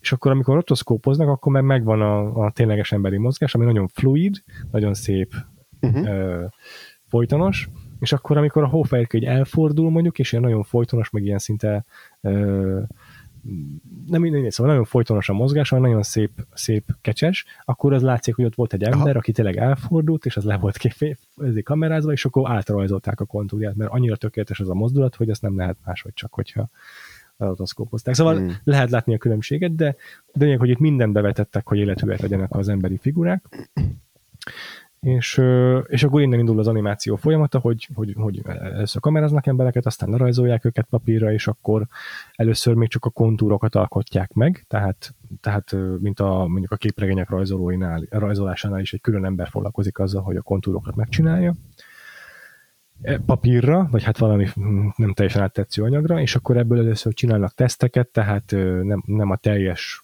kész anyagot, de valamennyire azért így összerakják külön rétegekre, de fekete-fehér kontúrokból még csak a jelenetet, és akkor azt uh-huh. levetítik diavetítővel, megnézik, hogy jó-e.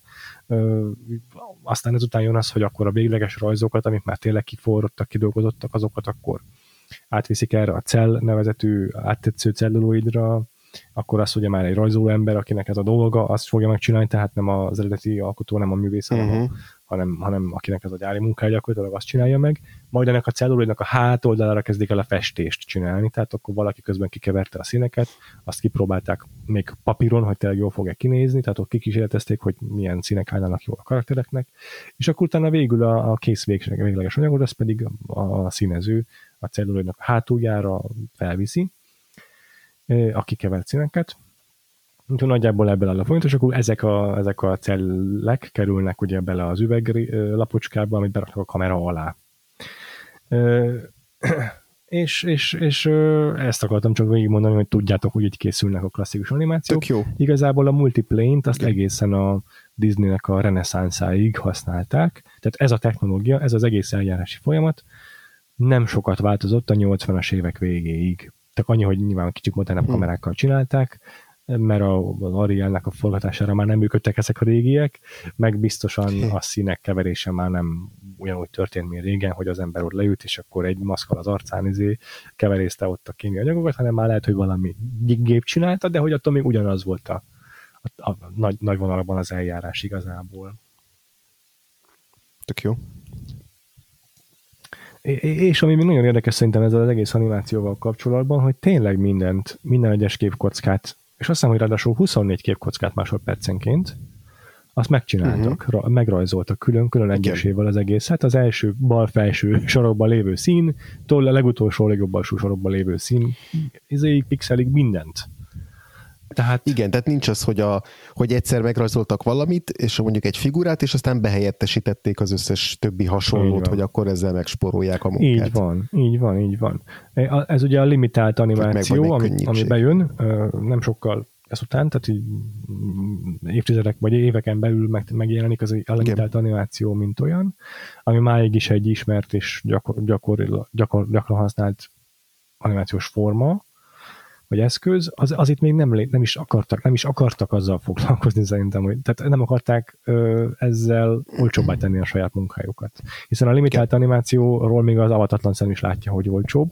Arra gondolok, hogy egy animében például mindenkinek egyből lejön, hogy egy jelenetben a fej, fej nem mozog, csak a szája például. Mert ez egy külön réteg, egy külön cell, és akkor, és akkor csak az van kicserélve a képen mindig, amikor a szája ki van mm-hmm. nyitva meg a cell, vagy ennek a limitált animációnak egy eszköze az is, amit te mondasz, hogy a katona mizé, egyszer van megrajzolva, aztán négyszer meg sokszor veszek egymás mellett, és akkor így van egy már hadsereged, vagy egy kommandó, vagy nem tudom. Igen. Vagy az állatoknak a megrajzolásánál szokták ezt gyakran alkalmazni, hogy, hogyha sokan vannak, akkor így, így megsokszorozzák a képenőket például.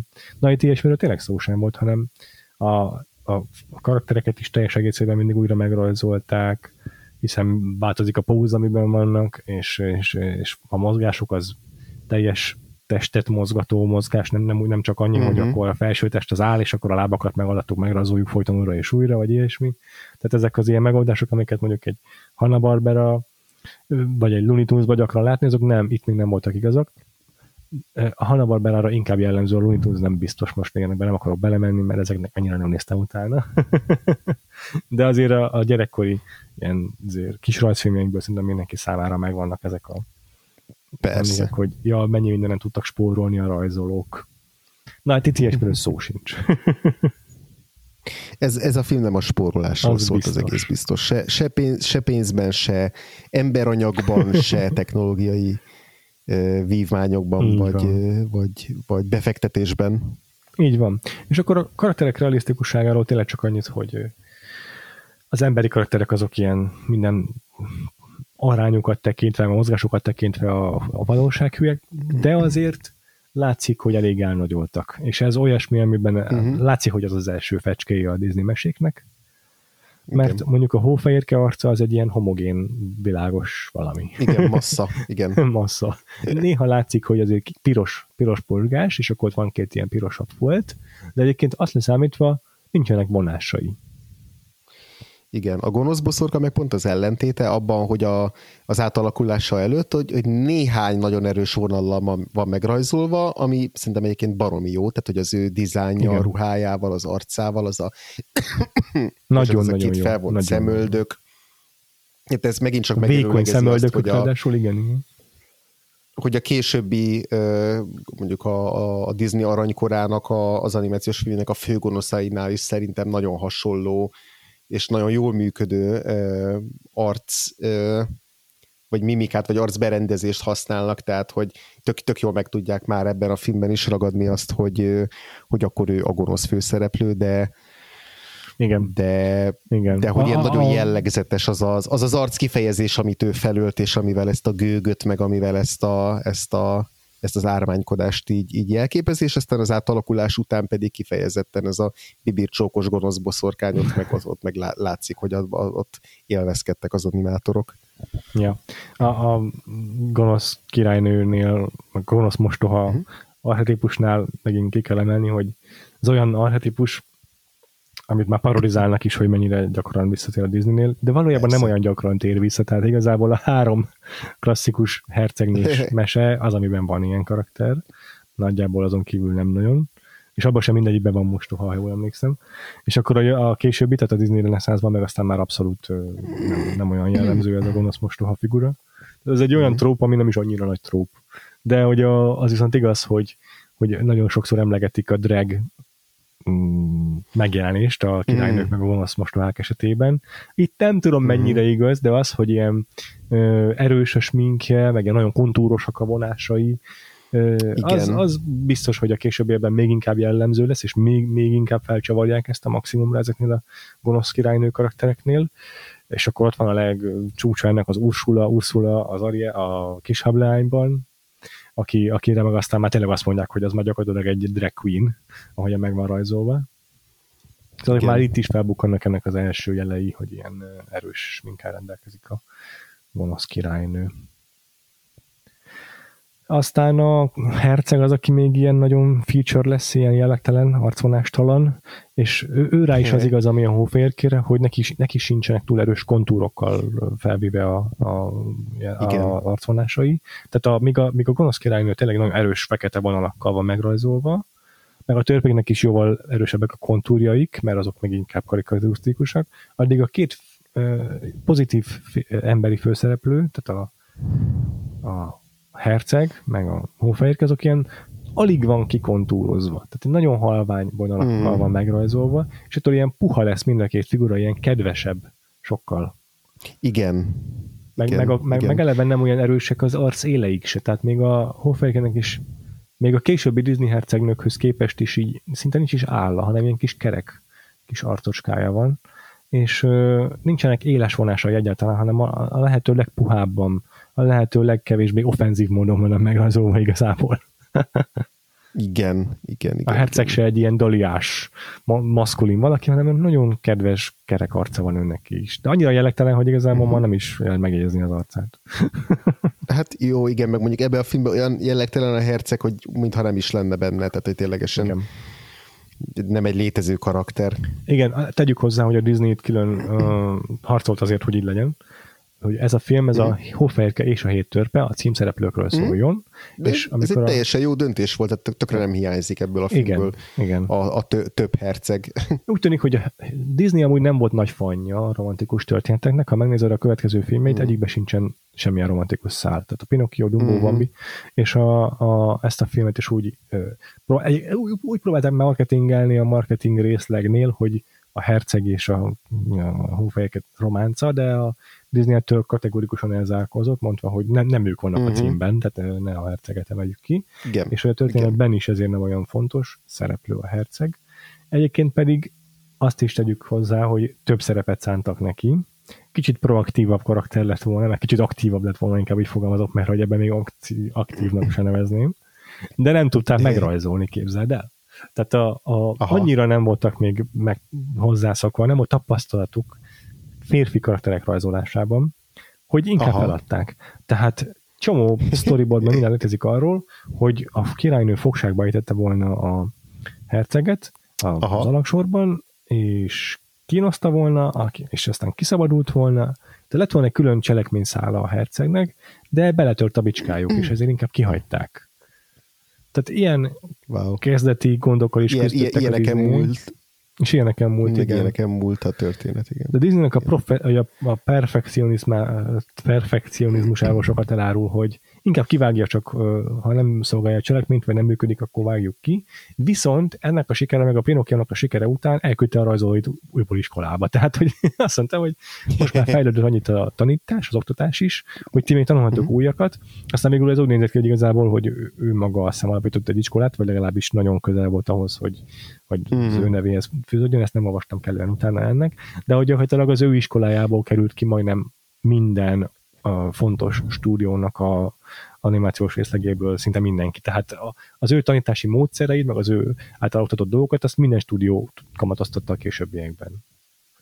És az, hogy a Disney-nek a nevéhez kötjük ezeket a dolgokat, meg mindig azt mondjuk, hogy Disney mesék, meg mit tudom én, lehet, hogy nem minden filmnek ő van a rendezőjeként feltüntetve, de ez tényleg rengeteg esetben így tényleg az ő Mhm. víziója, meg az ő ö, aktív, Aktív munkájának az munkája, eredménye, igen. igen. Szóval nem, nem lehet elvitatni tőle szerintem ezt. Igen, igen.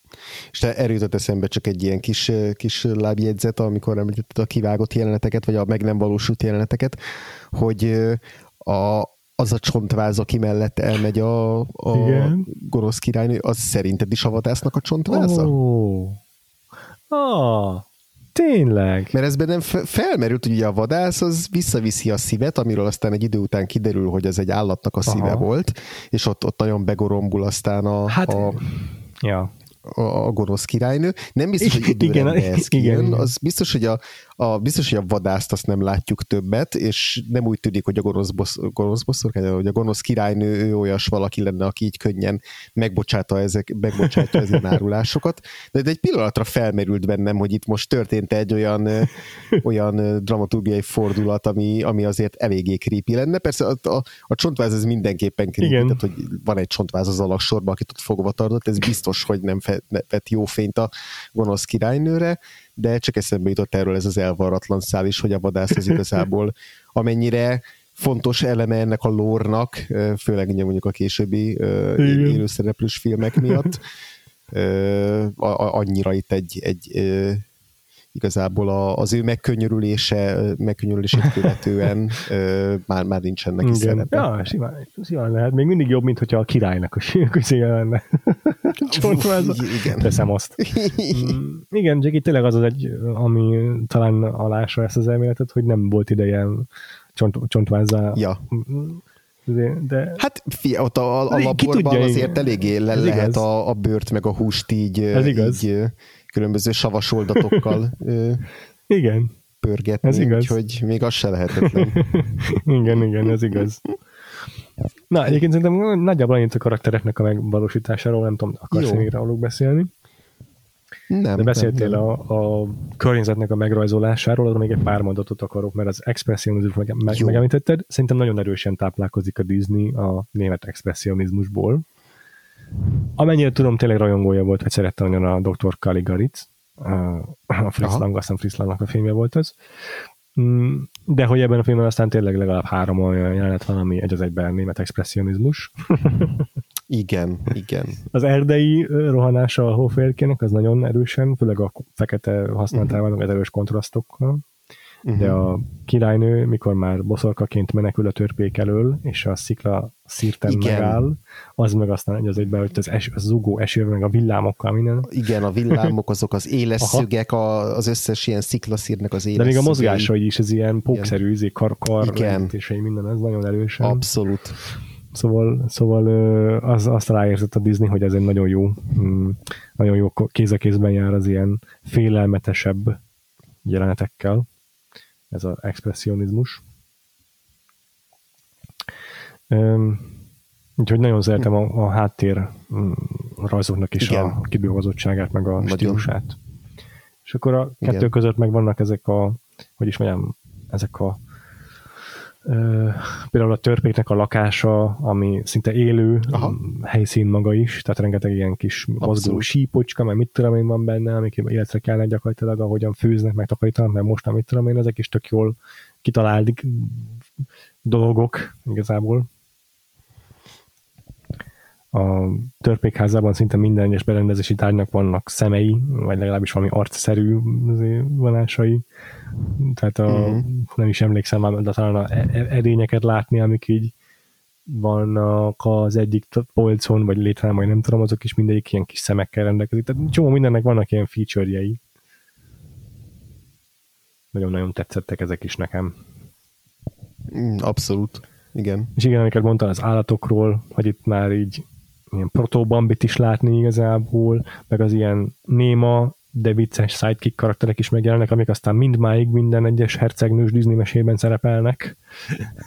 Tehát a, mhm. a, maguk a törpék is vicces sidekickek, de rajtuk kívül még vannak állatok is, akik nem is beszélnek is vicces sidekickek. Teknős, teknős aki van egy running gagje, ami idéző, idézőjelben running gag. De rengeteg ilyen kis figura van, akik az expresszív arc kifejezéseikkel minden így rengeteget hozzájárulnak. A, tehát a, a, a keselyük is olyan figurák, akik szerintem az oroszlán királyig valamilyen installációban mindig újra és újra megjelennek, tehát gonoszul néznek és kárörvendően figyelnek a távolból. Ezek is így örök, örök Disney, Disney visszatérő figurák rengeteg ilyen dolog itt alakul ki, szerintem, meg itt, itt találja ki ezeket a Disney igazából. Igen, igen. A királynőnek a megjelenésével kapcsolatban meg azt láttam valamilyen doksi filmben, hogy volt egy 1935-ös film, a She című, és abban nagyon hasonlóan Aha. nézett ki az egyik karakter az egyik jelenetben látszik, hogy nagyon sok változaton átment a királynő, meg egyébként a Hoffelkét is nagyon sokszor megrajzolták, mire kialakult a végleges dizájnja.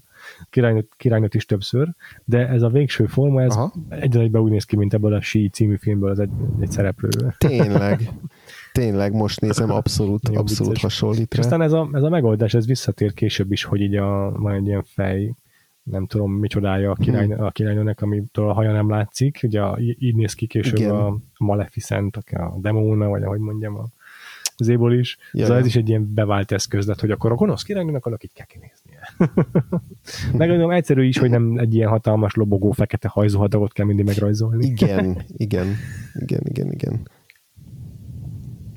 Még a, a színészekkel kapcsolatban mondtad már a Hófehérkének a nevét, nincsen ha. feltüntetve a stáblistán egyik szereplőse. Egyébként akkor még nem voltak ilyen céhek, meg ilyen jogvédő tömörülések, úgyhogy nem foglalkozott ezzel senki, hogy most fel van-e tüntetve egy színész a stáblistán, vagy sem. És akkor az volt a gyakorlat, hogy sokszor kihagyták a színészek nevét, mert így, így is elől a film legelején szerepelt a stáblista, és rengeteg időt elvett, és nem akarták untatni a közönséget a nevekkel. Konkrétan ezért nem szerepel a stáblistán a név, de a Disney esetében itt még az is szerepet játszott a döntésben, hogy a Disney kitalálta, hogy ő nem akarja, hogy az illúzió leomoljon, hogy ezek animációs uh-huh. kitalált fiktív szereplők. és így képzeld el, hogy nem, tehát nem szabadott kiderülni a világ számára, hogy van egy nő, aki a, aki a hófehérke hangja, és hogy ez az ember, ez valaki. Van egy neve, és hogy máson is dolgozik például, ezeket nem engedhette. Úgyhogy egy nem olyan vaskos csekket, de azért abszolút nem volt rá szényenkezni, szényenkezni valója, kiáltott ennek a nőnek, és azt mondta, hogy soha többet nem szerepelhetsz semmiben, nem, a nevedet nem vállalhatod el. Szietetlen, igen. és akkor igen. ezen kívül a Disney azért így néha visszahívta egy-egy szerepre, meg így vannak ilyen uncredited Aha. énekei, dalai különböző filmekben, tehát volt más szereplő, akinek ő volt az úgymond szinkrohangja, tehát ő énekelte a zenei részeket, de amúgy nem nagyon volt karrierje. Egyébként pedig egy hollywoodi énektanárnak volt a lánya, akit úgy találtam meg, hogy már mindenkit megpróbáltak bekasztingolni, és már végül feladták, és akkor Aha. mentek egy hollywoodi énektanárhoz, hogy most már akkor valakit találj nekünk, vagy csinálj, képezt ki, vagy nem tudom, és akkor ezt hallotta ezt a telefonbeszélgetést a Adriana Caselotti, és azt mondta, hogy mi lenne, hogyha én megpróbálnám elénekelni a szerepet, és akkor végül is tényleg felvették egy casting procedúra legvégén ült. Nagyon jó. És egyébként meg még Hófehérkenek még csillaga is van a Hollywood Walk of Fame-en, tehát a Disney odáig elment. Ez ugye fizetni kell azért, hogy valaki ott föl legyen tüntetve, nem csak úgy spontán manifestálódik ott egy csillag, hanem azt ki kell fizetni. Szóval a Disney odáig elment, hogy egy csillagot is vetetett a, a hófehérkének, nem az Adriana Casalottinak vagy akármi, hanem egy fiktív karakternek. Úgyhogy ez ennyire, ennyire épített erre az illúzióra. De nem, nem lehet mondani szerintem azt, hogy kihasználta volna, vagy visszajött volna ilyen értelemben Adriana Casalottival. A legtöbb dolog az ilyen iparági standard volt akkoriban, nem meglepő, hogy valakivel így bántak annyira, és amúgy megmondom, hmm. tehát adott neki később szerepeket, szóval nem cseszett ki vele. Aztán nem tudom, hogy lehetett volna nagy karrierje Adriana Casalottinak, hogyha nem írja alá akkor a szerződést. ez, ez, ezt azért nehéz megmondani. Hát igen, ez, ez is kérdés, hogy itt ugye ebben az időszakban a hangalakítások azok még mennyire tudtak volna esetleg át át konvertálódni másféle karrierre, bár itt ugye az animáción belül is azért lehetett lehetett valószínűleg karriert kialakítani, tehát az a, az a színésznő, aki a gonosz mostohának a, a hangját szolgáltatta, akinek ez volt az utolsó filmszerepe, a Lucille Laverne, ő is egy, ő is egy e, ekkora már egy abszolút bejáratott név volt a különböző animációs rövidfilmeknek a, a vagy, vagy legalábbis egy-egy, egy-egy, egy ilyen nagyon kiemelkedő animációs rövidfilmnek a, a hangjaként, de, de ugyanúgy rendes, hmm. rendes élőszereplős filmekben is vállalt szerepeket, szóval, hogy itt, itt azért még nem volt talán annyira, annyira el, el, elkülönítve. Vagy hát igazából ez, ez pont egy olyan, olyan része, amit, amit nem ismerek annyira, és ami uh-huh. tökre érdekelne, hogy vajon itt a, a, mint ahogy vannak egyébként mind a mai napig olyan, olyan színészek, akik sokkal inkább az animációnak a hangalakításairól híresek, tehát mondjuk egy Frank Welker, aki egy ilyen óriási nagy legenda hmm. a, a, a ra, ra, tehát ilyen, ilyen animációs hangalakításokban, hogy, hogy hasonlóan volt egy ilyen felosztás annak idején, vagy hát ennél a filmnél még valószínűleg tényleg erről nehéz beszélni, hiszen ez alapozta meg azt, hogy egyáltalán lehessen majd, hmm. lehessen majd erről beszélni, mert azért a, a, a, a animációs rövid filmeknél még sokszor nem kellett nagyon hangokat vagy nem kellett mindig, mindig beszéltetni feltétlenül a szereplőket is. Meg voltak ugye ezek a multitalentumok, akik így minden szerepet el tudtak játszani, és akkor ezeknél a hangon igen. tudtak megszólalni. Kik voltak ilyenek, hogy is hívták? Na mindegy, de tudjátok ezeket a neveket, akik ki voltak írva az összes Looney Tunes mese végén, meg mit tudom én, ezek azért ilyen legendás figurák voltak. Igen, igen, igen. Hát ebben a filmben mondjuk a törpéknek a, a, a hangjaira azért főleg főleg komikusokat, Aha. Broadway színészeket Aha.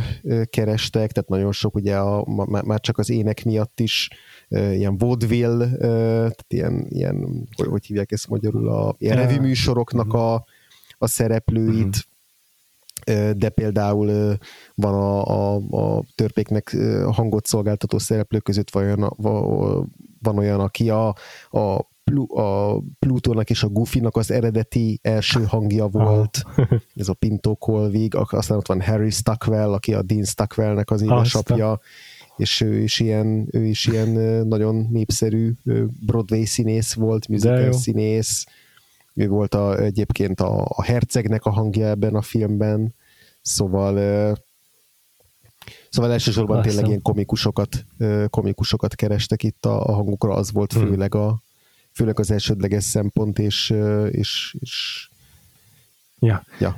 A magyar szinkronról meg annyit, hogy az eredeti verzió az olyan neveket vonultatott fel a 62-ben, mint Váradi Hédi, meg Csákányi László, meg Márkus László, tehát a komplet Frédi és Béni benne mm-hmm. volt. és, és azért ez tényleg hozta is azt a fajta olyan operettes, szoprános, falzettós uh-huh. éneklést, vagy nem is tudom, hogy csodát pontosan, ami ebben a filmben hallható, tehát meg benne volt ez az ilyen sanzonos, ja. nagyon klasszikus, nagyon avítas stílus, vagy, vagy, vagy, vagy, vagy módszer, és akkor ebből készült 2001-ben egy új magyar szinkron, amiben meg oroszlán Szonya van, többek, többek között a Hófehérke, és akkor a rajta kívül még Bodrogi Gyula, vagy Dobránszki Zoltán, akik így ö, nagyobb nevek például. Na, az meg már az a nagyon modern disney is, tehát ott már inkább a Disney reneszánszát uh-huh. idéző ének stílusban énekelnek, és a, például a Kati nagyon utálja pont emiatt, mert ugye a Hófehérkenek azért így mind vizuálisan, mind a hangban van egy ilyen erőteljes Aha elválasztó hatása a többi filmtől, a későbbi hercegnős filmektől, a, mm-hmm. amiatt, hogy, hogy nagyon más az összes dal benne, nem olyan nagy, hömpögő, epikus zék vannak benne, ki, ki, áll, ki, ki énekelt hangok, meg mit tudom én, hanem inkább ilyen kis, Aha. kis dalocskák, ilyen kis sokkal visszafogottabb és máshogy énekelt dalok, tényleg a sanzonokra emlékeztetnek talán leginkább jobban, mint a, mint a nagy, nagy, nagy áriákra, amiket a Disney meséből ismerünk, és uh-huh. ezt az új szinkron az nem ezt adja vissza, és emiatt elveszik ennek a filmnek egy ilyen ártatlan kis klasszikus, avittas kvalitása, ami, ami tökre hozzájárul ahhoz, hogy ezt a filmet a saját maga kontextusában tud nézni szerintem. Hogy el tud választani a, a későbbi Disney filmek által kreált elvárásoktól. Hogy mennyire mások ma már ezek a Disney mesék. Beszéljünk egy picit még erről, erről, a, a, hogy a Disney filmek hogy változtak, és ez a hófehérke hogy öregedett? Persze, beszéltünk erről, azt azért megelőlegezzük, hogy lesznek még Disney filmek a, az idei animációs évadunkban, tehát hogy nem most utoljára fogunk, fogunk a, e, e, ehhez a stúdióhoz ellátogatni. Igen, bár azért ez a hercegnős is. Az már nem lesz. Uh-huh. Tehát a, a, az ilyen hercegnősi Disneyből valóban. igazából az az egyetlen mert hogy, a, mert hogy a későbbieket átugoljuk, hogy ne legyen annyira sok egyforma, a reneszánszból meg mindent láttunk, tehát nem, nem, nem, nem tudunk már többet nézni. Mm. Igen. De a, de a Hofferkével kapcsolatban azért máig ugye gyakoriak a különféle ellenmondások, hogy ez most akkor jó, jót tesz a gyereknek, hogy megnézi, vagy sem, milyen képet rajzol a női szerepekről, tudom én, és erről azért érdemes szerintem uh-huh, beszélni uh-huh. egy pár gondolatot. gondolatot. Uh-huh. Én azt gondolom, hogy a, hogy ezt kontextusában kell kezelni, és kész. Most a gyereknek nem fogod elmagyarázni, hogy 1937-ben még mások voltak a női szerepek, és ezt most úgy nézed, nem erről beszélek, hanem egyszerűen arról, hogy a, a én, én, én, én ebb, ezt a filmet, amikor megnéztem, én nem éreztem azt, nem éreztem magam kínosan, hogy hogyan ábrázolja a hófehérkét egyáltalán. Uh-huh. Nem éreztem azt, hogy itt most egy ilyen szolgalelkű háziasszonynak kell Aha. elképzelnünk a hófehérkét, és milyen szomorú, hogy ennyire nem tudom, regresszív ennek a filmnek a női szerep ábrázolása. Mm, biztos vagy benne, hogy kontextus nélkül, mikor kiragadsz egy jelentet a filmből, ahogy a Hofer határozza, hogy kitakarítja a törpék lakását, akkor az hülyén néz ki. De szerintem nem, abszolút nem mindegy a kontextus.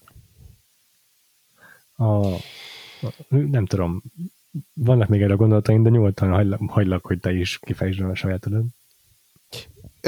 Na, na, de a, a, nagyjából hasonlóan gondolom én is, csak most az jutott eszembe, hogy igazából még ez is szerintem tök jó, mint a kontextusról mondasz, mert hogy picit beleerőltetés talán, de hogy, de hogy még úgy is át lehet vezetni ezt a, ezt a takarítós részt, hogyha látjuk, hogy előtte milyen traumákat él át, hogy majdnem meggyilkolják, Igen. gyakorlatilag ott a, a, a gonosz királynőnek a, a kastélyában élt ilyen mostoha sorsot, bár ott is így viszonylag jól el van magában, tehát úgy eldalolgat, meg meregeti a kis izé, vizet a, a kútból, meg tehát hogy úgy, úgy viszonylag jól el van, meg úgy biztonságban érzi magát, azért alapvetően nem feltétlenül érzi azt, hogy ő itt terrorizálva van, meg abuzálva a gonosz királynő által, azt csak így mi tudjuk kb.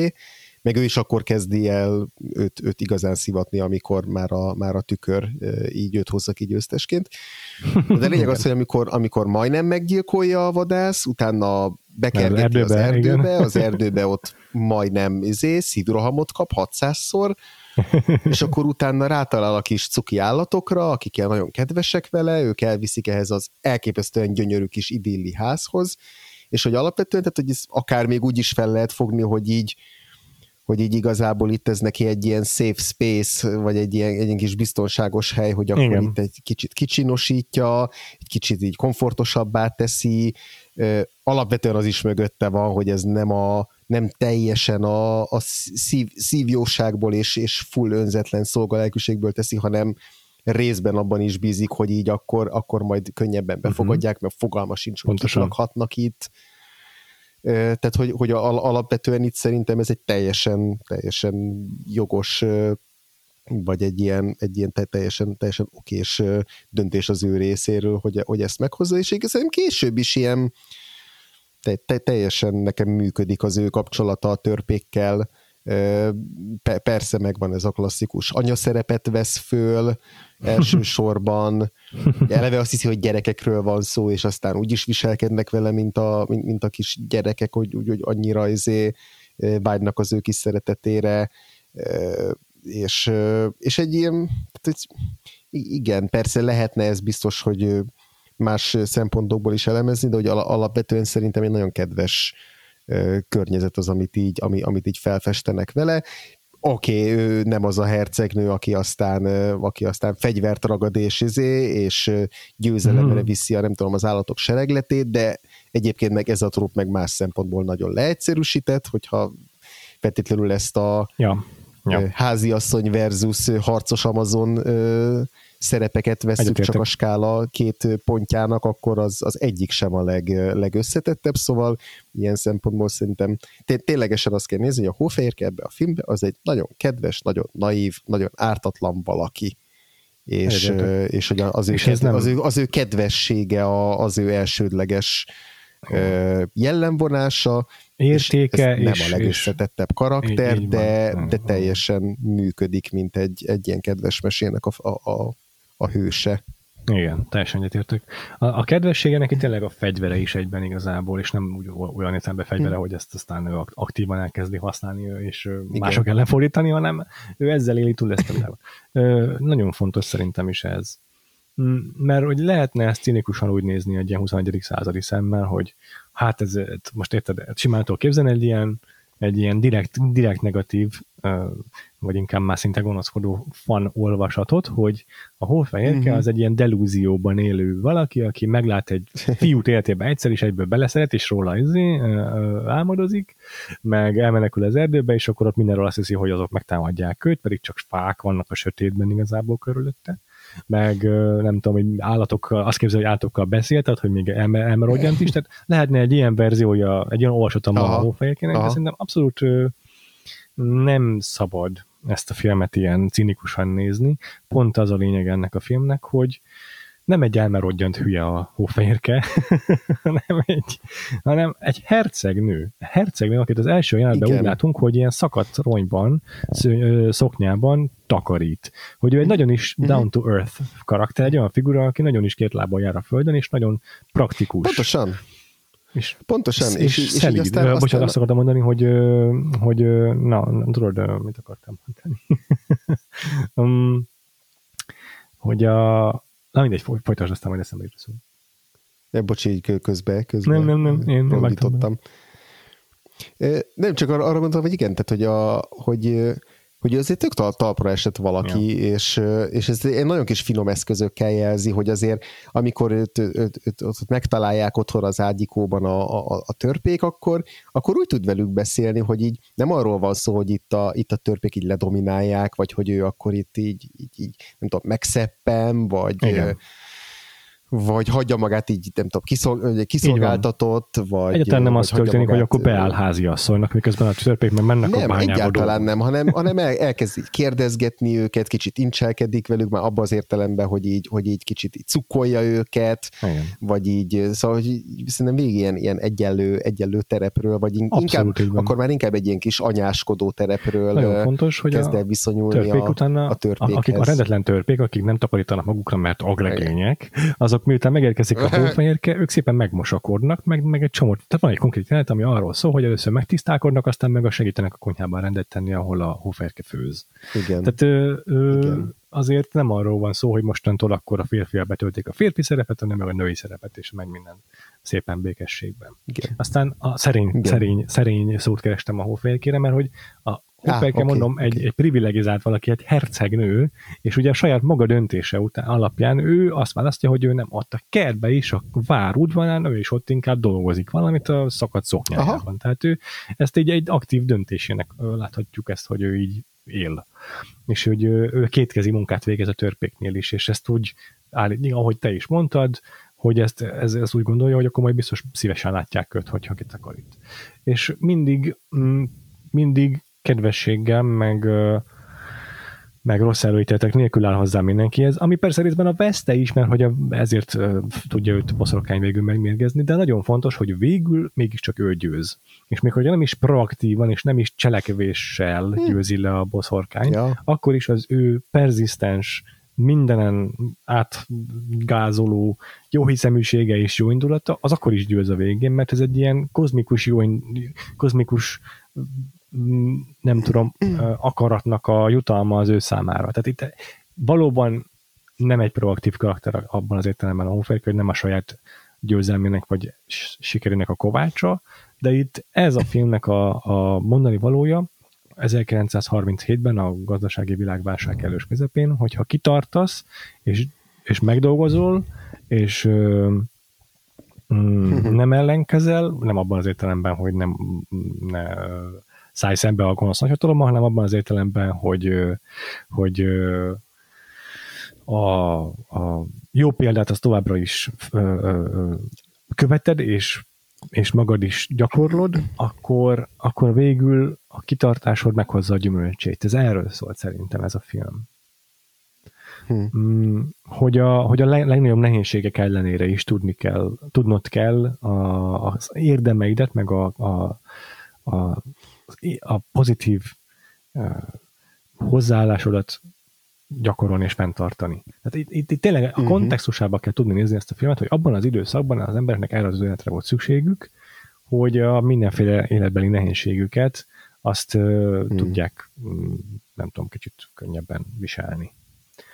És aha, hát aha. A, szerintem ez a legfontosabb a, a hóférkével kapcsolatban, hogy igen, utána, utána később, pláne a Disney Renaissance alatt, vagy után már minden egyes női karakternek megvolt a maga um, motivációja, legalább két olyan fontos tulajdonsága, amelyek így elhelyezték őt, hogy akkor mik az ő értékei, belső értékei, amelyek alapján őt mozgatja a világban, a, mozgatják, ami, ami mozgatják őt a világban, és ilyenekről azért tényleg sokkal kevésbé lehet beszélni a Hófehérke esetében, de, de ez egyértelmű reakció volt a korszellemre a Disneyek részéről, és, uh-huh.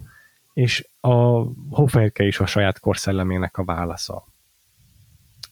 A, ami még itt továbbra is felmerülhet, hogy jó, de akkor egy majdnem 90 éves filmet azt most meg kell nézetni a saját gyerekünkkel, hogyha ilyen regresszív.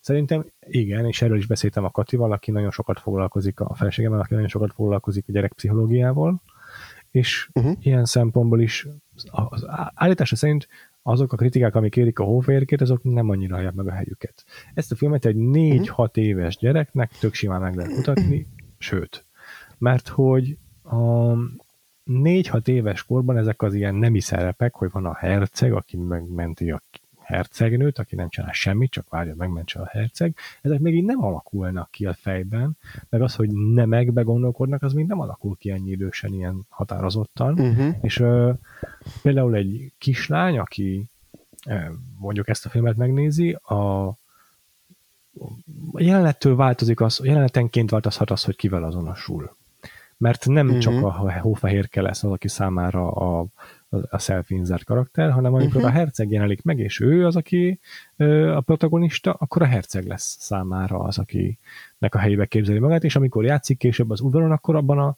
adott kontextusban, hogy a hercegként fog majd játszani. És a fiúkra is ugyanez uh-huh. igaz, hogy, hogy a takarítós jelenetben lehet, hogy a hóférkével fognak azonosulni vagy a főzős uh-huh. jelenetben, és akkor majd ők is azt játszák, hogy pitét sütnek a legközelebb. Tehát, hogy akkor még nem annyira forranak ki ezek a dolgok, és abszolút nem baj az, hogyha, hogyha ö, maga a nemi szerep, amit abban a filmben lát, az, az korlátozott abban az értelemben, hogy vannak modernebbek is, mert nem, nem szükséges az, hogy, hogy ebben az életkorban ilyen komplex dolgokat kelljen a gyereknek néznie. Ez a film, ez pont attól ideális ebben az életkorban, mert uh-huh. a klasszikus történetmesélési ívet az bejárja akkor is. Mert van egy, egy felütés, van egy bonyodalom, vannak mindenféle ilyen próbatételek, ugye van állatokkal is találkozik, meg átmennek az erdőn, meg találkozik a törpékkel, meg jön a boszorkány, és aztán a végén van egy, egy, egy csúcspont, meg egy, meg egy lecsengés. És ezt a lehető legökonomikusabban, a lehető legkevesebb flikflakkal elmeséli. És még pont, Igen, pont, pont arra csak... gondoltam, bocsánat, csak pont, pont arra gondoltam, hogy miközben erről beszéltél, hogy hogy lehet, hogy ezek a fajta ilyen, a, ilyen nagyon sztereotipikus mesebeli nemi szerepek, amit részben azért joggal lehet kárhoztatni, hogy ezeket, ezeket sokkal inkább lehet kárhoztatni az olyan film, mesékben, vagy olyan filmekben, amik már mondjuk egy egyre idősebb korosztálynak szólnak, Igen. és amiben már egy, a történet is egy egyel komplexebb, vagy a, vagy, a, vagy a cselekmény is egyel komplexebb, a karakterek is, karakterek is kidolgozottabbak, vagy több köztük a konfliktus, a világ, világ is egy ilyen kiépültebb Igen. valami, nem egy ilyen nagyon sematikus, egyszerű, mint a, mint a hófehérkében, és hogy viszont, hogyha azok, abban a filmben, ami már többet kíván a nézőtől, viszont többet is kíván nyújtani. Hogyha ebben viszont megragadnak ezek a szereplők ezekben a nagyon klasszikus szerepekben, akkor ott viszont már sokkal inkább bevésődhetnek ezek a, ezek a minták, vagy akkor ott már, ott már akkor nagyobb lesz a kontraszt, vagy zavaróbb lehet az, hogy ebben viszont nem tud, nem tud kilépni ebből a keretrendszerből, tehát hogy ebből a szempontból is a, a, ahol fehérkére azért alapvetően más más kritériumok más. vonatkoznak szerintem Igen. is. És a a még volt bennem valami gondolat igazából. Tehát a, a, a történetmesélésnek a komplexitása az, ami, az, ami tényleg fontos, hogy ez, ez kell, kell, kellenek ezek a megalapozó ilyen tégladarabok, amikre ráállva majd aztán a komplexebb, meg a, az elvárásokat kifordító meséket már föl tudja dolgozni a gyerek. Tehát egyszerűen nagyon pici korban tök fölösleges mm, a sztereotípiákat, meg a kliséket kifordító, vagy azok a direkt hátrahagyó meséket mesélni, mm-hmm. mert nem lesz meg az alapja a gyereknek, a viszonyítási alapja, hogy tudja, hogy ez mihez képes mm újít. Tehát igenis szükséges ezeket a building blokkokat, ezeket az építő elemeket meg, megmutatni a gyereknek. Most én is a Misinek, a gyerekemnek, aki két és fél éves, olyan meséket mesélek, amiben a lehető legtipikusabban viselkednek az állatszereplők. Tehát a róka a ravasz, a nyuszi meg a gyors, meg, a, meg az okos, és meg az, meg az aranyos. Tehát én nem bonyolítom túl a meséket, mert, uh-huh. mert hogy meg kell ezeket először szoknia, a, ezeknek így nem lehet az, hogy minden nap, minden héten egy olyan azért változatás hozok be az életébe a meséken keresztül, amiket még se szokott, és már, már, mit tudom én, már hitelen a farkas a jó fiú. Tehát neki meg ki kell alakulni ezeknek a, ezeknek a fogóckodóknak, hogy aztán már legyen mire felépítve megérteni a bonyolultabb, komplexebb meséket, meg a komplexebb mm. karaktereket is. És ez, ez, ez, hogy most a nemi szerepek itt ebben egyszerűen vannak ábrázolva, ez semmivel sem másabb annál, szerintem, mint hogy a, a, a, a, a ravasz a róka, a farkas meg meg akarja enni a malacot, a malac meg mit tudom én, gyáva. Tehát, hogy ugyanilyen szinten vannak ezek a klisék, és ezeket nem fogom károsztatni, amiatt, hogy ez most történetesen ebben egy lány karakterrel kapcsolatos klisé. Uh-huh. Mert tudok majd utána olyan meséket mesélni, ahol ez már ennél komplexebb lesz. De ahhoz el kellett mesélnem ezt.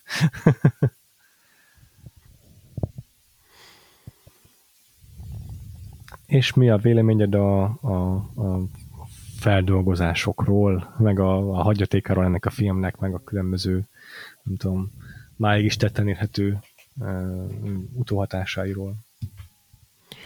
Hát uh, nagyon sok nincsen ebben valami szintén én ezeket a, a a későbbi, akár az élőszereplős adaptációkat, amik így a közelmúltban voltak, akár, a, a, akár az egyéb ilyen ö, változatokat, azokat én nem nagyon követtem, meg nem nagyon néztem meg, szóval ö, ja. szóval nekem mint csak ilyen ős történet, vagy ős, ős Disney mese van meg, van meg továbbra is a, a hófehérke, biztos van 500 féle olyan egyéb változata, ami már ö, ami már ezt meg, megbonyolítja, de, de, de ezek, ezek nekem abszolút, abszolút kimaradtak, és, és tudom, hogy most is jön majd egy újabb hófehérke Igen, na ahhoz mit szólsz? Történet. Szükséges? Érdekes lesz az. Beszéltünk, Patronon picit beszéltünk róla már régebben. Ja, ja, ja, ja, igen. Szükséges?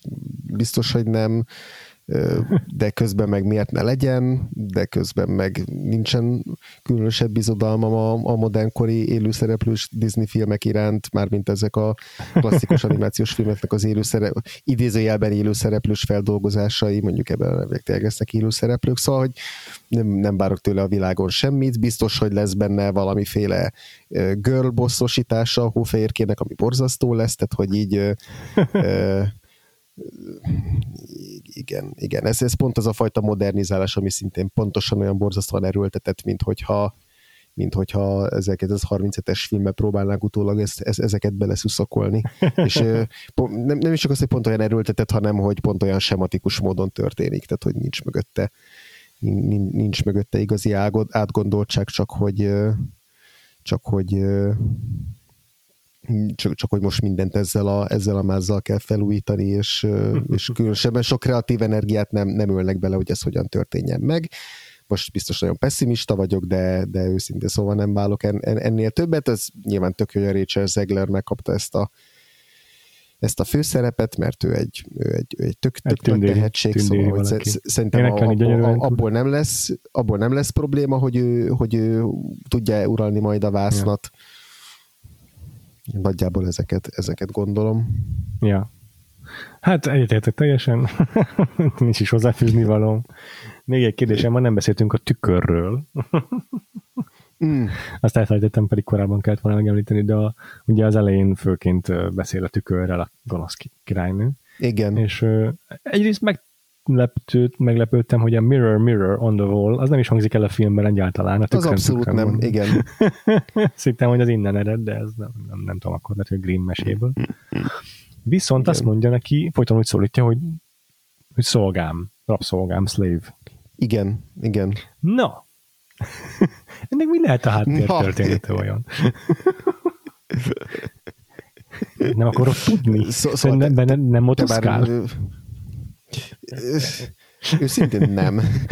Nem, mert most hirtelen felrém lett előttem, hogy, hogy amint ezt most kimondtad, még, még ma este, vagy hát amerikai idő szerint az, az nem este van, de még most be fogják jelenteni a prequel sorozatot az új hófehér filmhez, ami a, Disney Plus. ami a, a Disney Plus-ra fog fölkerülni, és amiben nem hmm. tudom, Oliver Platt fogja alakítani a, a, azt a, azt a izé a gonosz királynőnek azt a alatvalóját, aki magára haragítja, és, és emiatt, uh-huh. és emiatt egy, egy, egy tükörré változtatja, vagy nem tudom, tehát, hogy uh-huh. Jézusom, igen. igen, most, most nagyon látom magam előtt, hogy, ebb, hogy ez, egy, egy, ez egyszer meg fog történni, és végre meg tudjuk, hogy őt eredetileg Mirror Jonesnak hívták, és, és innen jött a, vagy, vagy, vagy igen, nem, nem tudom. Még egy utolsó dolog, a Grimm mesében a Hófehérkenek a királya mostohanya az úgy végzi, hogy ő nem, nem, nem a törpék ölik meg, ami megint csak egy tök jó változtatás a Disney verzióban, hogy a törpék aktív karakteré válnak ilyen szempontból, és ők küldözik a halálba végül ebbe a szorkányt, uh-huh. hanem, a, hanem úgy történik, hogy megházasodik a herceggel a hófehérke, a királynő továbbra is azt hiszi, hogy meghalt, Aha. És ez csak meghívót kap egy, egy, egy, egy esküvőre, egy hercegnőnek az esküvőjére, és akkor elmegy kíváncsiságból, és akkor jöhet ez a hófehérke. Ott szembesül vele, hogy törbe csalták, és akkor azt hiszem, hogy izzó csizmát adnak rá, vagy nem tudom, de mindenképpen megkínozzák a királynőt, tehát valami, valami nagyon grimmes dolog történik. Természetesen. Igen, ezek a fajta, ezek a fajta kegyetlen bosszuk, és és, és, és kevésbé nemes cselekedetek, ezek, mm. ezek, ezek általában kiszoktak maradni a Disney filmekből, ahol, ahol így a, a gonoszt azt így a vagy a saját, saját romlott lelke dönti pusztulásba, hogy, hogy a, még a segítőkezet se hajlandó elfogadni, mint a későbbi Disney filmekben, vagy, vagy, a, vagy a sors csap ja. rá. Ja. Igen, igen. Mindenesetre itt a Disney jó, jó, jó döntés volt ez, hogy a törpékre helyezték a hangsúlyt, ők azok, akik ezt a Igen. konfliktust befejezik, a, a herceg az tényleg az égvilágon semmit nem csinál, egy csókon kívül neki vége, tehát így nem is nagyon beszél a film végén, már csak így egy ilyen yeah, yeah. végső jutalom, hogy akkor Hofejke él és boldog, de hogy így nem a romántukról szól ez, és nem arról, hogy a herceg az most megmenti őt, vagy sem, az együtt, hogy kivettek az ő mellékszelet, jól le is redukálták egy nullával semmivé az ő karakterét, abszolút jellegtelen semmi, és a törpék és a hófehérke maradnak igen. a főszereplők, és ez nagyon jó döntés volt. Igen. Igen, igen, igen. és akkor ezzel szerintem lezárhatjuk az epizódunkat. Rendben. Oké. Okay. Mondjuk el a hallgatóinak, hogy a, mi várható a következőkben, illetve, hogy mi egyéb helyeken lehet bennünket elérni. Kezdjük azzal, hogy a uh-huh még az évad menetrendjét nem akarom itt egyezetben leleplezni, mert bejelenteni, mert még, még lehet, hogy Herceg Zsófival még egy kicsit finomítunk rajta, igen.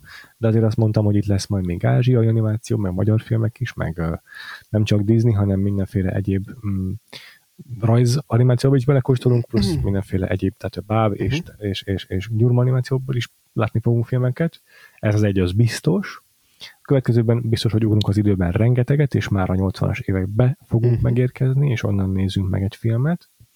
Uh, úgyhogy óriási időugrás következik, de nem zárja ki egyébként az, hogy, hogy nem fogunk még így ismerkedni a, az animációnak az aranykorával, mert egész estés filmekből igazából a, a Disney-től nem akartunk mást megnézni, hiszen azért sok újat nem tudnánk elmondani. Más stúdiók meg nem annyira gyártottak érdekes egész estés filmeket, tehát egy popány nem yeah, neki annyira, de az nem zárja ki, hogy nem beszélünk ezekről meg valamilyen formában. Én gondolkodtam rajta, hogy valami Patreon exkluzívban azért az évad során még így fel, felbukkanhatnának olyan animációk is, amiket már esetleg láttunk, vagy amit esetleg egy egész adást uh-huh. nem szentelnénk rá. Tehát lehet, hogy még ilyenekkel így kiegészítjük ezt. Minden esetre a Patreonunk az továbbra is működik, és, és fogunk jelentkezni új adásokkal. Volt egy kis nyári szünet, uh-huh. hát mindenféle betegségek és munkahelyi elfoglaltságok miatt nem jött össze, hogy augusztusban új epizóddal jelentkezünk, de nem tettünk le arról, hogy folytassuk a Patreonunkat. Úgyhogy ha tetszett a mai adásunk, és szeretnéd támogatni, hogy az animációs évadunk az elkészüljön, és egyébként pedig szeretnéd azt is, hogy új adásokat hallgathass tőlünk az adások, ez, ez itt hallható adásokon kívül, például frissebb mozis premierekről, vagy színészekről, vagy zenészerzőkről, vagy rendezőkről akartok portréadásokat hallgatni, akkor a patreon.com per Vagfolt podcastot tudom a figyelmet ebbe ajánlani. Már talán uh-huh. 2020 óta több mint száz adással jelentkeztünk a Patreonon, és ezeket mindet meg tudjátok hallgatni, hogyha feliratkoztok, és csatlakoztok a támogatói közösségünkhöz. Még egyszer patreon.com per Vagfolt Podcast, és akkor lehet, hogy még mondom, az animációs hivathoz kapcsolódó kis ilyen szatellitadásokkal is jelentkezünk, ezt még nem beszéltük meg, de lehet. És ezen kívül pedig magát a podcastot ne felejtsétek el, hogy lehet követni mindenféle podcast lejátszó platformon, YouTube-on uh-huh. is mhm. fönn vagyunk, hogyha azt preferáljátok, tehát YouTube-on is keresetek rá a Vagfolt podcastra, és hogyha ott hallgatok bennünket, akkor ott is van feliratkozás gomb, meg csengetjű, hogyha értesítést akartok az új epizódokról. Ugyanez igaz a Spotify-ra is, ott is rá tudtok keresni, hogy Vagfolt podcast, és akkor ott is van feliratkozás is, meg csengettyű is, és akkor kaptok is notification a telefonotokra is, hogyha jön a adás. Uh-huh. Aztán vagyunk mindenféle máson is, Apple-ön, Google-ön, meg az összes létező ilyen kisebb lejátszó alkalmazásban is meg tudtok bennünket találni, ha rákerestek az, a podcast címére, úgyhogy ha új hallgatónként csatlakoztok hozzánk így az animációs évadnak az örüljén, akkor ne felejtsetek el feliratkozni, és akkor két hét múlva mindenképpen jövünk egy új epizóddal, és akkor nem maradtok uh-huh. le róla. Ezen kívül pedig Andrást és engem is tudtok követni különböző helyeken. Mondja el András, hogy téged hol lehet követni. Hát a legkönnyebben még mindig a Twitteren, a Gains, G-A-I-N-E-S, és egy alsó vonás van a végén, illetve hát Letterboxdon nagy, nagy néha még, még logolok egy-két dolgot, hogyha eszembe jut, bár már eléggé rég, rég el, el vagyok maradva a, a különböző filmnézéseimmel. Téged, Péter? Ugyancsak Twitteren Freevo néven kettő elvel, meg a Letterboxdon, ahol a filmjeimet logolom én is kettő elvel, ugyanúgy Freevo néven vagyok fenn, és a Vagfolt podcastot ne felejtsétek el követni a Facebookon, Twitteren ugyancsak, valamint a Facebook csoportunkba is beléphettek a facebook.com-on a keresőbe írható be azt, hogy Vagfolt podcast társalgó, több mint 300 taggal uh-huh. rendelkezünk, aktív kis közösség, és még akár közönség találkozókra is eljuthattok, hogyha beléptek. Nagyjából ennyi, amit zenét most már hallotok valószínűleg a háttérben, azt az Artur zenekar tagjainak köszönhetjük nagyon szépen, és ezzel ideje búcsúzunk most már ettől az adástól, és akkor két hét múlva találkozunk. Így van, addig is sziasztok! sziasztok.